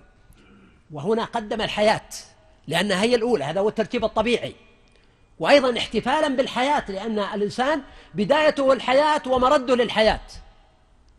فهو في الدنيا يحيا حياة فيها ابتلاء ثم يحيا في الدار الآخرة ولا يموت. ثم يميتكم ثم يجمعكم إلى يوم القيامة لا ريب فيه. ولكن أكثر الناس لا يعلمون. فقول سبحانه لا ريب فيه مثل قول ذلك الكتاب لا ريب فيه. يعني ليس فيه ارتياب من جهة قوة أدلته ومن جهة وضوح أدلته. وإنما يقع الريب من جهة أن أكثر الناس يقع لهم الريب وهذا شيء عجيب أنه أمر يبين الله أنه لا ريب فيه ومع ذلك أكثر الناس ارتابوا فيه. أليس كذلك؟ ثم يجمعكم إلى يوم القيامة لا ريب فيه هكذا يقول ربنا سبحانه. ومع ذلك أكثر الناس لا يعلمون يعني يرتابون فيه. هذا يبين لك أن الناس وأن الحياة ربما يقع فيها شيء من ذلك وأن مسألة إقامة الحجة على الناس والبيان. بإقامة الحجة في الرسالة. الله لا يعذب حتى يبعث رسولا كما في هذه السورة وفي غيرها. إقامة الحجة على الناس الدعوة. أيضا ترك التشاغل بالدفاع عن النفس. يغفر للذين لا يرجون أيام الله. لأن الإنسان إذا انشغلوا الناس إذا انشغلوا بالدعوة إلى الله وبيان الحجج وإزالة اللبس عن الذين لا يعلمون فمن مقتضى ذلك أن يكون عندهم سعة في أخلاقهم وصبر على أعدائهم وحلم وعدم مؤاخذة وألا يرد السيئة بمثلها ولكن يعفون ويصفحون. وما زاد الله عبدا بعفو إلا عزة. فقال هنا لا ريب فيه. يعني في حقيقته وإن كان يقع الريب عند أحد الناس وكثير منهم بسبب أنهم لا يعلمون ولا يتدبرون ولا يعقلون. ثم قال ولله ملك السماوات والأرض. هو مالكها سبحانه. وهذا تأكيد للمعنى لأنه الخالق ولذلك فهو المالك. و ويومئذ ويوم تقوم الساعة يومئذ يخسر المبطلون. لله ملك السماوات والأرض. في الدنيا الله تعالى جعل فيها مهلة. أما يوم القيامة يوم تقوم الساعة يومئذ يخسر المبطلون أصحاب الباطل والباطل كثير وأحيانا ينتفش ويكبر ويغلب من جهة أكثر الناس كما قال قبلها أكثر الناس لا يعلمون فهؤلاء مبطلون. ويوم القيامة يخسرون ولذلك قال أخرج بعث النار كما في حديث آدم عليه الصلاة والسلام. وترى كل أمة جاثية. أمم الأرض أمم الأنبياء أمة موسى أمة عيسى أمة محمد صلى الله عليه وسلم. كل أمة من الأمم يعني كل أمة من الأمم الكتابية التي أتاها رسول تراها جاثية. والجثو ما هو معناه؟ أي الجثو هو يعني ال ال الذي يقعد على ركبه ذليلا. مثل يعني حالة الإنسان المسترحم المستعطف. إنسان يريد من أحد أن يعفو عنه وخاصة إذا كان من الكبراء. أو أصحاب الشأن تجد أنه يجثو على ركبتيه ويرفع يديه ويطلب منه الصفح. في يوم القيامة يأتي وقت كل أمة يعني أمم المسلمون وغير المسلمين. المسلمون وغير المسلمون. لذلك قال سلمان رضي الله عنه قال إن في يوم القيامة يوما عشر سنين تجثو فيه الأمم لربها ويخاف الناس كلهم. ولذلك كان الأنبياء عليهم الصلاة والسلام يوم القيامة أحيانا يكون حديث أحدهم اللهم سلم سلم ودعاء اللهم سلم سلم لا أسألك إلا نفسي. كما ورد عن عيسى عليه السلام يقول لا أسألك آه، مريم أمي وإنما أسألك نفسي. فتجي حالة يعني يفر المرء من أخيه وأمه وأبيه وصاحبته وبنيه. فهنا هذه حالة كل أمة جاثية. والجثو كما قلت هو القعود على الركب قعود الدليل الخائف الوجل وأيضا من معاني جاثية. في معنى ثاني أحد منكم يعرفه؟ الجثو هو الاجتماع. جثوة جثى على القبر مثلا. جثوة يعني جثوة القبر هي مثلا التراب المجموع على القبر. وكذلك في الحديث آه، لينتهين أقوام عن آه، الافتخار بآبائهم أو لا يكونون من جثى جهنم يعني أنهم يرمون فيها جماعات كلما ألقي فيها فوج سألهم خزنتها. إذا جاثية لها معنيان. المعنى الثاني قل من ينتبه إليه وهو أن معنى جاثية يعني مجتمعة ولذلك سميت أمة ومجتمعة على هذه الحال. كل أمة هذا ابتداء الآن وفي قراءة كل أمة. كل أمة تدعى إلى كتابها. وإنما كرر قضية كل وترى كل أمة جاثية. لم يقل وترى كل أمة جاثية تدعى.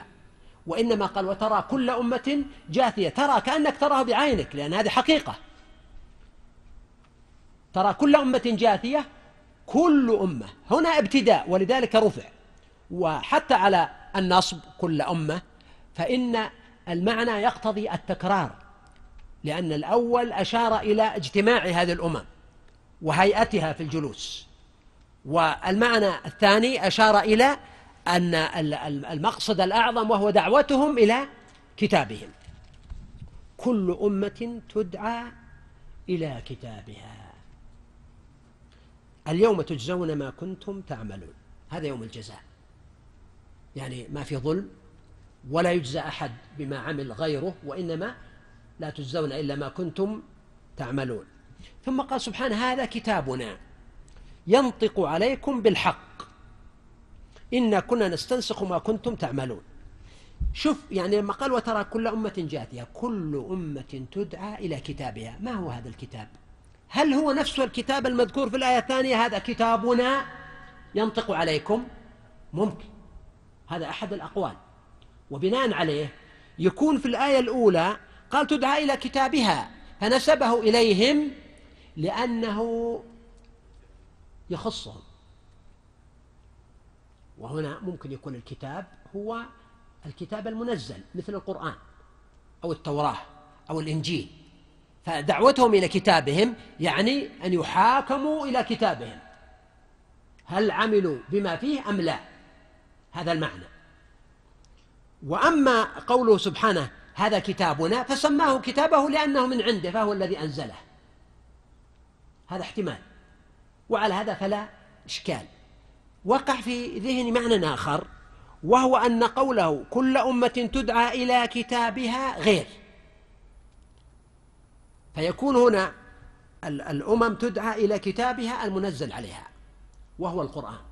ليش؟ لأنه كتاب واحد ما قال إلى كتبها. وإنما قال تدعى إلى كتابها. وكل أمة إنما نزل لها كتاب مثل التوراة الإنجيل حتى صحف إبراهيم أو موسى هي تعتبر كتابا.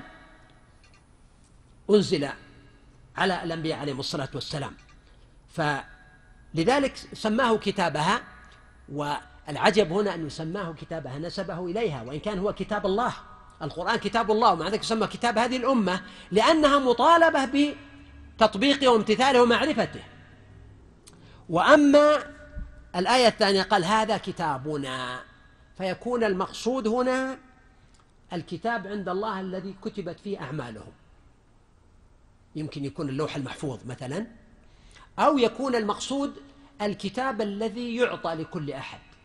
وكل إنسان ألزمناه طائره في عنقه ونخرج له يوم القيامة كتابا له. كتابا يلقاه منشورا اقرأ كتابك. اقرأ كتابك كفى بنفسك اليوم عليك حسيبا. فيكون المقصود هنا الصحف الكتب. فأما من أوتي كتابه بيمينه وأما من أوتي كتابه بشماله وأما من أوتي كتابه وراء ظهره. إذا ومع ذلك قال هذا كتابنا فنسبه إلى ذاته العلية لأنه لا ينطق عن الهوى. والأمر هنا يتطلب يعني الكتاب لك من جهة أنه يحصي عليك. ولكنه كتاب الله من جهة أنه كتاب حافظ. إن كل نفس لما عليها حافظ. لا يغادر صغيرة ولا كبيرة إلا أحصاها. وهذا معنى عظيم. مثقال ذرة. قصة الأعرابي الذي يروى أنه جاء يسأل فسمع هذه الآية الكريمة. فمن يعمل مثقال ذرة خيرا يره. ومن يعمل مثقال ذرة. ذرة شرا يره. فقال كفتني ذرة ما يحتاج يسأل. ولما سئل النبي صلى الله عليه وسلم عن الخيل قال الخيل لرجل أجر ولرجل ستر وعلى رجل وزر. فسئل عن الحمير فقال ما أنزل الله فيها إلا هذه الآية الجامعة الفاذة الشاذة؟ فمن يعمل مثقال ذرة خيرا يره ومن يعمل مثقال ذرة شرا يره.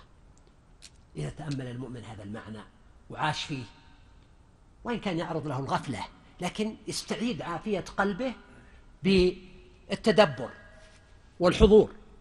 فقال هذا كتابنا ينطق عليكم. سبحان الله كتاب ينطق. الآن الناس عرفوا الكتاب الناطق ولا لا؟ تجد الآن في, النت كتب ناطقة وهذه تقنية جديدة وحديثة.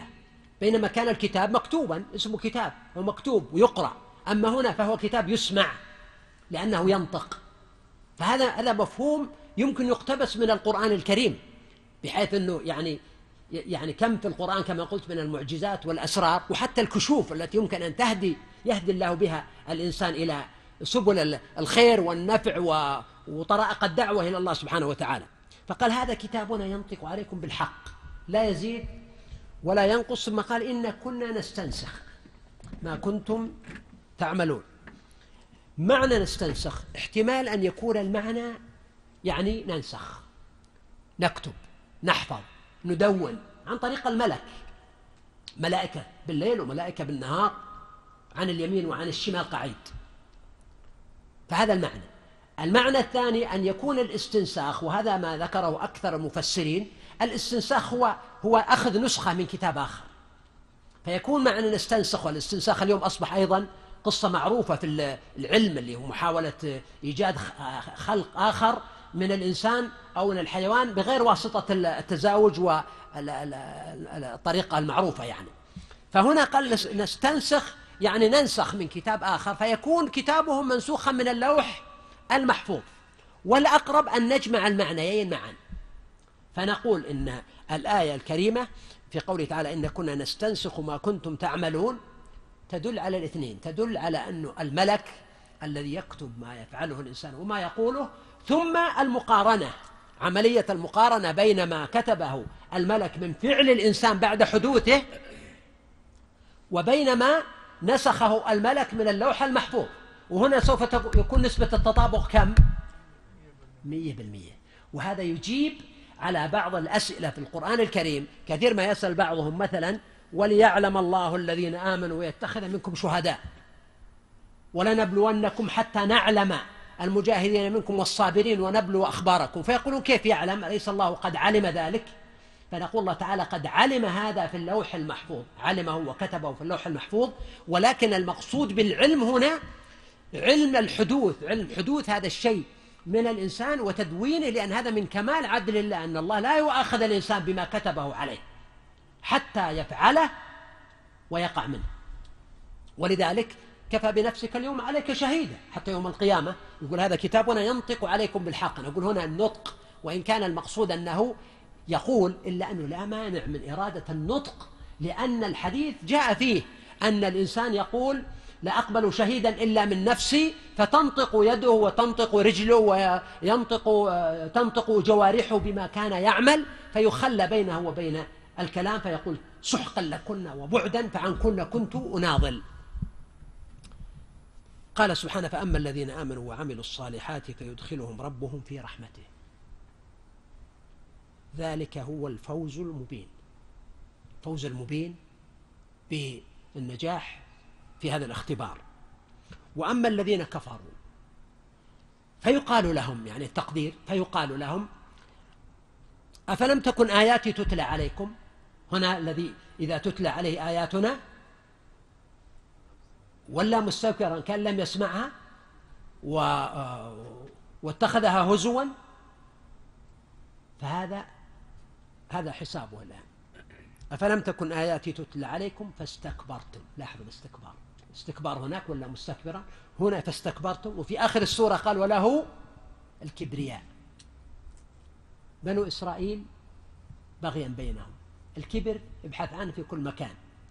أسوأ صفة في الإنسان الذي يفترض أن يتلقى العلم سواء كان علم الشريعة الكبر.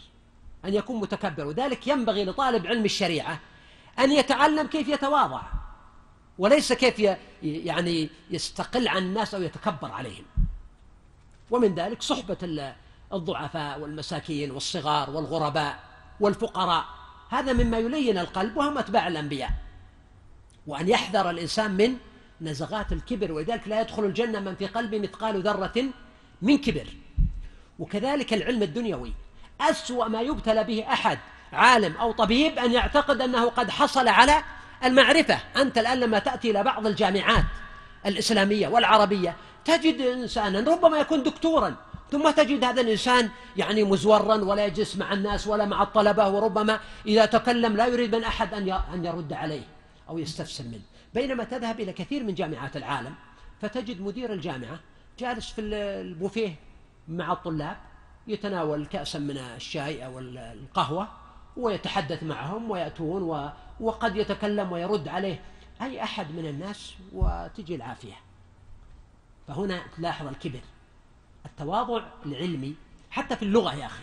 تجد طالب علم لتوه دخل في درج الطلبة وتجده يتكلم بلغة العلماء فيقول والذي يظهر لي والذي يترجح عندي والذي أراه من أنت؟ يقولون هذا عندنا غير جائز ومن أنتم حتى يكون لكم عنده.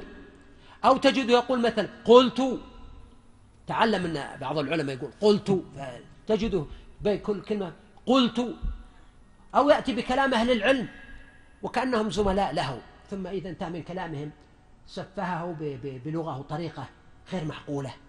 أين أدب العلم أدب المعرفة؟ هذا كما يقال تزبب قبل أن يحصرم. هذه بداية العلم الأدب الأخلاق التواضع الذل الانكسار لله. هذا معنى عظيم وذلك الاستكبار هنا. تجد في أول السورة وأوسطها وآخرها الكبر لله سبحانه. المتعلم سواء في حقل الشرع أو في حقل المعرفة والعلم والكون ينبغي أن يكون متواضعا ويدري أنه ما أوتيتم من العلم إلا قليلا. فاستكبرتم وكنتم قوما مجرمين. شوف قوما. يعني لما قال قوما ما قال وكنتم مجرمين قال وكنتم قوما مما يدل على أن البيئة تؤثر. فالبيئة تؤثر في الإنسان سواء في تربيته على الكبر تصبح عادات يقول الإنسان ما قصدت ولا أردت شيء وهي في الواقع أنها تصنع منه شيئا. وكذلك الإجرام أنه يصبح قومية يصبح جزءا من هوية أمة من الأمم أو شعب من الشعوب أو جيل من الأجيال. وإذا قيل إن وعد الله حق والساعة لا ريب فيها قلتم ما ندري ما الساعة. إن نظن إلا ظنا. هذا من الكبر شوف. الآن واحد جاهل كما يعبرون عن الأعرابي أحيانا في الصحراء. يعني ما أريد أن أقول شيئا. المهم هنا يقول ما ندري ما الساعة. مثل ما قال فرعون قال ابن لي صرحا لعلي أبلغ الأسباب أسباب السماوات فأطلع إلى إله موسى وإني إيش؟ لأظنه كاذبا. يعني تظاهر بمظهر الإنسان الوقور الذي لا يطلق الأحكام جزافا فيقول أظنه ما جزم يعني بالكذب وهو في سويدائه يعني يريد أن يقول أشد من ذلك لكن يتظاهر بأنه يظنه. هنا هؤلاء الناس قالوا ما ندري ما الساعة. إن نظن إلا ظن وما نحن بمستيقنين. هم لا يؤمنون بالساعة. يقولون ما يهلكنا إلا الدهر. أحيانا. وبعضهم لا يؤمنون بها مطلقا وبعضهم وإن آمنوا بها أو سمعوا كلام إلا أنه كلام مشوش عندهم لا يتحول إلى اعتقاد كما يجب أن أن يكون وأن يستمعوا إلى قول الله إن وعد الله حق والساعة لا ريب فيها. فهم يقولون لا ندري ما الساعة. ثم يقولون إن نظن إلا ظنا. وهذا من العجيب سبحان الله أن الآية ذي في غاية الجمال. إلا أنه كلامهم إن نظن إلا ظنا. يعني إن نتبع إلا ظنا وما يتبع أكثرهم إلا ظنا وإلا فإن الشيء لا يستثنى من نفسه الشيء لا يستثنى من نفسه. فهنا يعني كأن المعنى والله أعلم إن نظن إلا ظنا يعني إن نحن إلا نظن ظنا هذا المعنى. إن نحن إلا نظن ظنا. أو المعنى إن نظن ما نظن إلا ظن ضعيف يعني. حتى ما هو ظن يعني ظن يكون غلبة آه، الرجحان. وإنما هو ظن ضعيف أو احتمال ضعيف. وما نحن بمستيقنين. كان الإمام مالك رحمه الله في بعض المسائل إذا قال فيها وهو غير جازم يقول إن نظن إلا ظنا وما نحن بمستيقنين. يقتبس هذا المعنى. لكن في سياق رائع وعكس ما كان في هؤلاء. يعني هؤلاء الناس حملهم على ما قالوا إيش؟ الكبر. الإمام مالك حمله على ما قال إيش؟ التواضع تواضع العلماء. أنه يقول في مسألة ويجتهد فيها ثم يقول هذه الكلمة. قال سبحانه وبدأ لهم سيئات ما عملوا. ظهر لهم يوم القيامة في ذلك. لم يقل جزاء وإنما قال سيئات كأنهم رأوها ويمكن يكونوا رأوها. الآن نحن رأينا كيف أن الناس يصورون وكيف أن الإنسان يمكن أن يرى حياته كلها على شريط. ولكن المقصود أنهم رأوا الجزاء وكأنهم رأوا تلك السيئات التي عملوها وحاق بهم ما كانوا به يستهزئون. ذكر الاستهزاء السخرية الذي ينم عن لا مبالاة وحاق إيش معناها؟ أحاط. أكثر المفسرين يقولون حاق أي أحاط. وهذا المعنى صحيح. وفي القرآن الكريم ولا يحيق المكر السيء إلا بأهله. وللكلمة معنى آخر نزل أو وقع. ها أنت مراجعته ولا من راسك أي نزل وهذا قل من ذكرها من المفسرين أن حاق هنا بمعنى نزل وهي موجودة عندنا في لغة العوام. مش يقولون العوام؟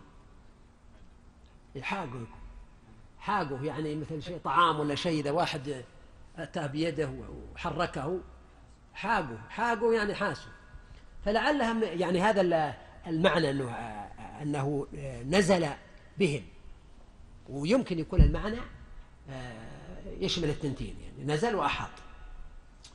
وقيل اليوم ننساكم. والمقصود هنا بالنسيان إما نترككم تركا أبديا.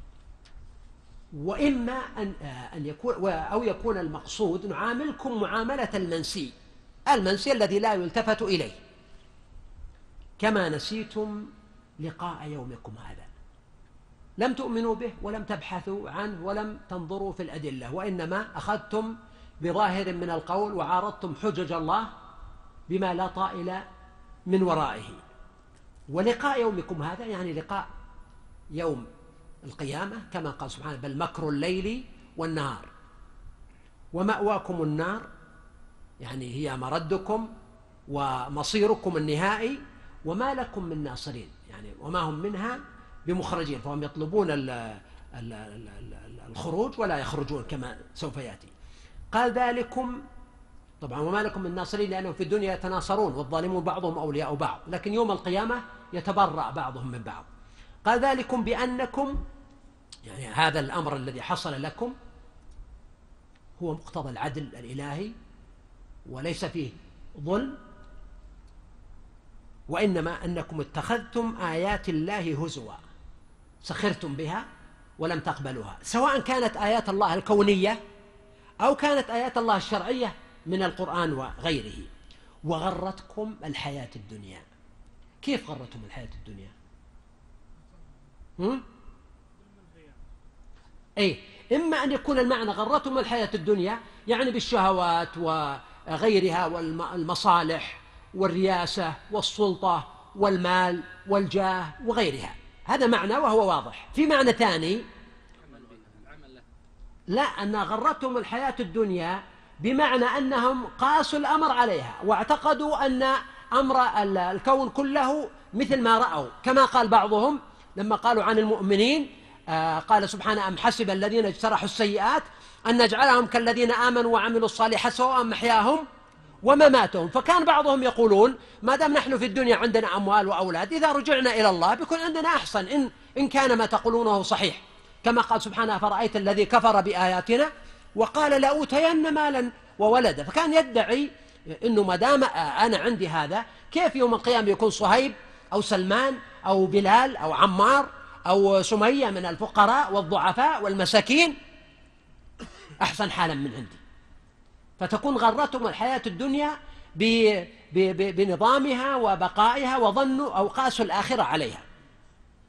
فاليوم لا يخرجون منها يعني من النار التي ذكرت في الآية التي قبل وفي قراءة لا يخرجون منها. ولكن الغريب أن القراء أجمعوا على أنها بالياء وليست بالتاء. يعني ليس في قراءة فاليوم لا تخرجون منها. معا في خطاب الآن. لكن ليس في قراءة فاليوم لا تخرجون وإنما لا يخرجون أو لا يخرجون منها. يعني ليس وما هم بخارجين من النار. يعني لا يستطيعون الخروج ولا أحد يخرجهم. ربنا أخرجنا منها. فإن عدنا فإنا ظالمون فلا يستجاب لهم.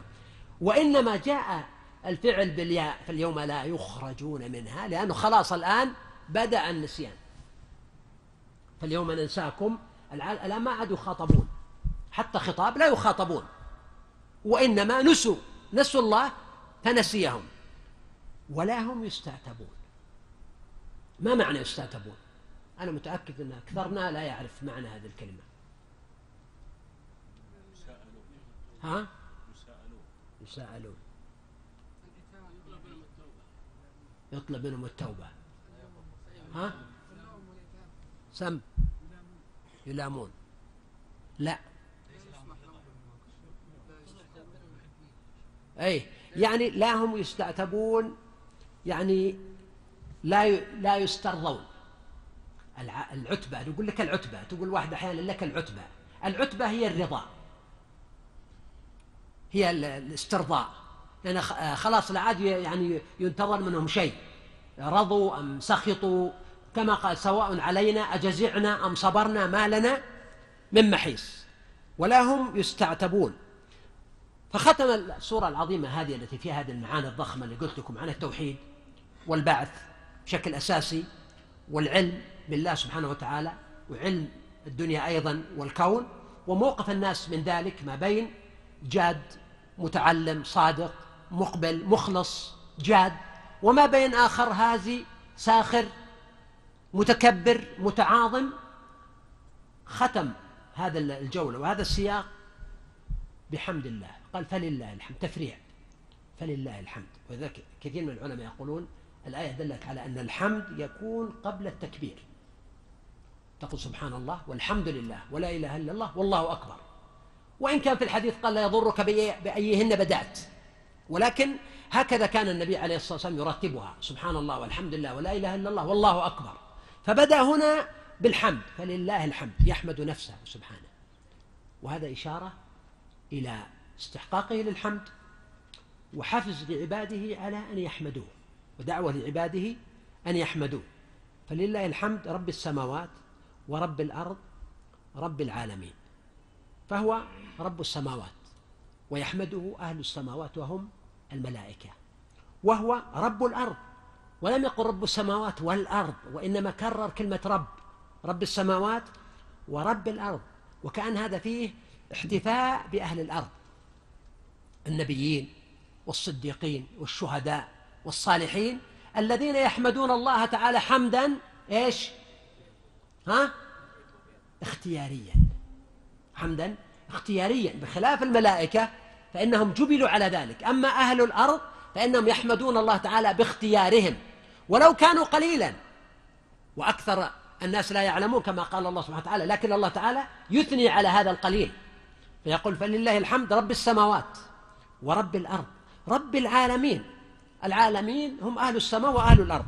قال وله الكبرياء في السماوات والأرض. ليس الكبر إلا لله. العز إزاري والكبر ردائي من نازعني شيئا منهما عذبته يقول الله سبحانه وبحمده. الكبر ليس إلا لله والكبر هو العظمة الكبر هو المجد الكبر هو الكمال فالله تعالى هو الكبير وهو العظيم وهو الجامع لصفات المجد والعظمة والحمد سبحانه. هذا معنى الكبر السلطة السلطان له. فلما قال له الكبرياء هذا حصر ما قال فلله الحمد يعني ليس الحمد إلا لله. هذا حصر. وكذلك لما قال وله الكبرياء يعني ليست الكبرياء إلا لله. فلا يتكبرن أحد على عباد الله. له الكبرياء في السماوات والأرض وهو العزيز الحكيم. لاحظ أن العزيز الحكيم جاءت في آخر السورة وجاءت أيضا في أول السورة تنزيل الكتاب من الله العزيز الحكيم. فله العزة سبحانه والذين يسخرون منه من أوليائه فهم الأذلون.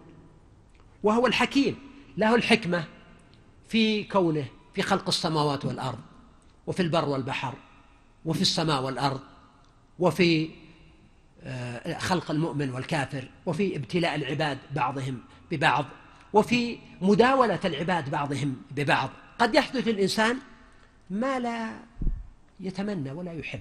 هنا تذكر العزيز الحكيم في كثير من الحالات ويحصل معنا جميعا. الإنسان يعني وده بشيء قد لا يكون له لكن لمن يعتقد أنهم يستحقونه من المؤمنين أو الضعفاء أو غيرهم. فيصبح يدعو الله يوم وشهر وشهرين ثم تأتي الأمور بغير ما يتوقع وبغير ما يريد. فهو نتذكر وله الكبرياء في السماوات والأرض وهو العزيز الحكيم. فله الحكمة البالغة والحكمة ذي حتى في الدنيا سوف تراها أنت بس لا تعجل. اصبر شهر سنة عشر وكم رأينا من القصص بداياتها شيء ونهايتها شيء آخر مختلف. هذا لا يمنع أن المؤمن يدعو ويلح بالدعاء وأن يكون عنده تبني لرأي معين بناء على المعطيات التي عنده. ولكن ينبغي أن تدرك أنك بمحدوديتك تتمنى شيئا وتدعو بشيء وتتحمس لشيء. والله تعالى يريد غير ذلك. فإذا أراد الله غيره يكون عندك جاهزية وقابلية لأن تتقبل ما أراده الله. ولا يقع عند الإنسان مثلا حسرة أو يأس أو قنوط أو زعل. هذا ربك سبحانه والأمر بيده ومن هو إليه. سبحانك اللهم وبحمدك نشهد أن لا إله إلا أنت نستغفرك ونتوب إليك. اقرأ كتاب الله ترق جنانه وتنل عظيم الأجر والغفران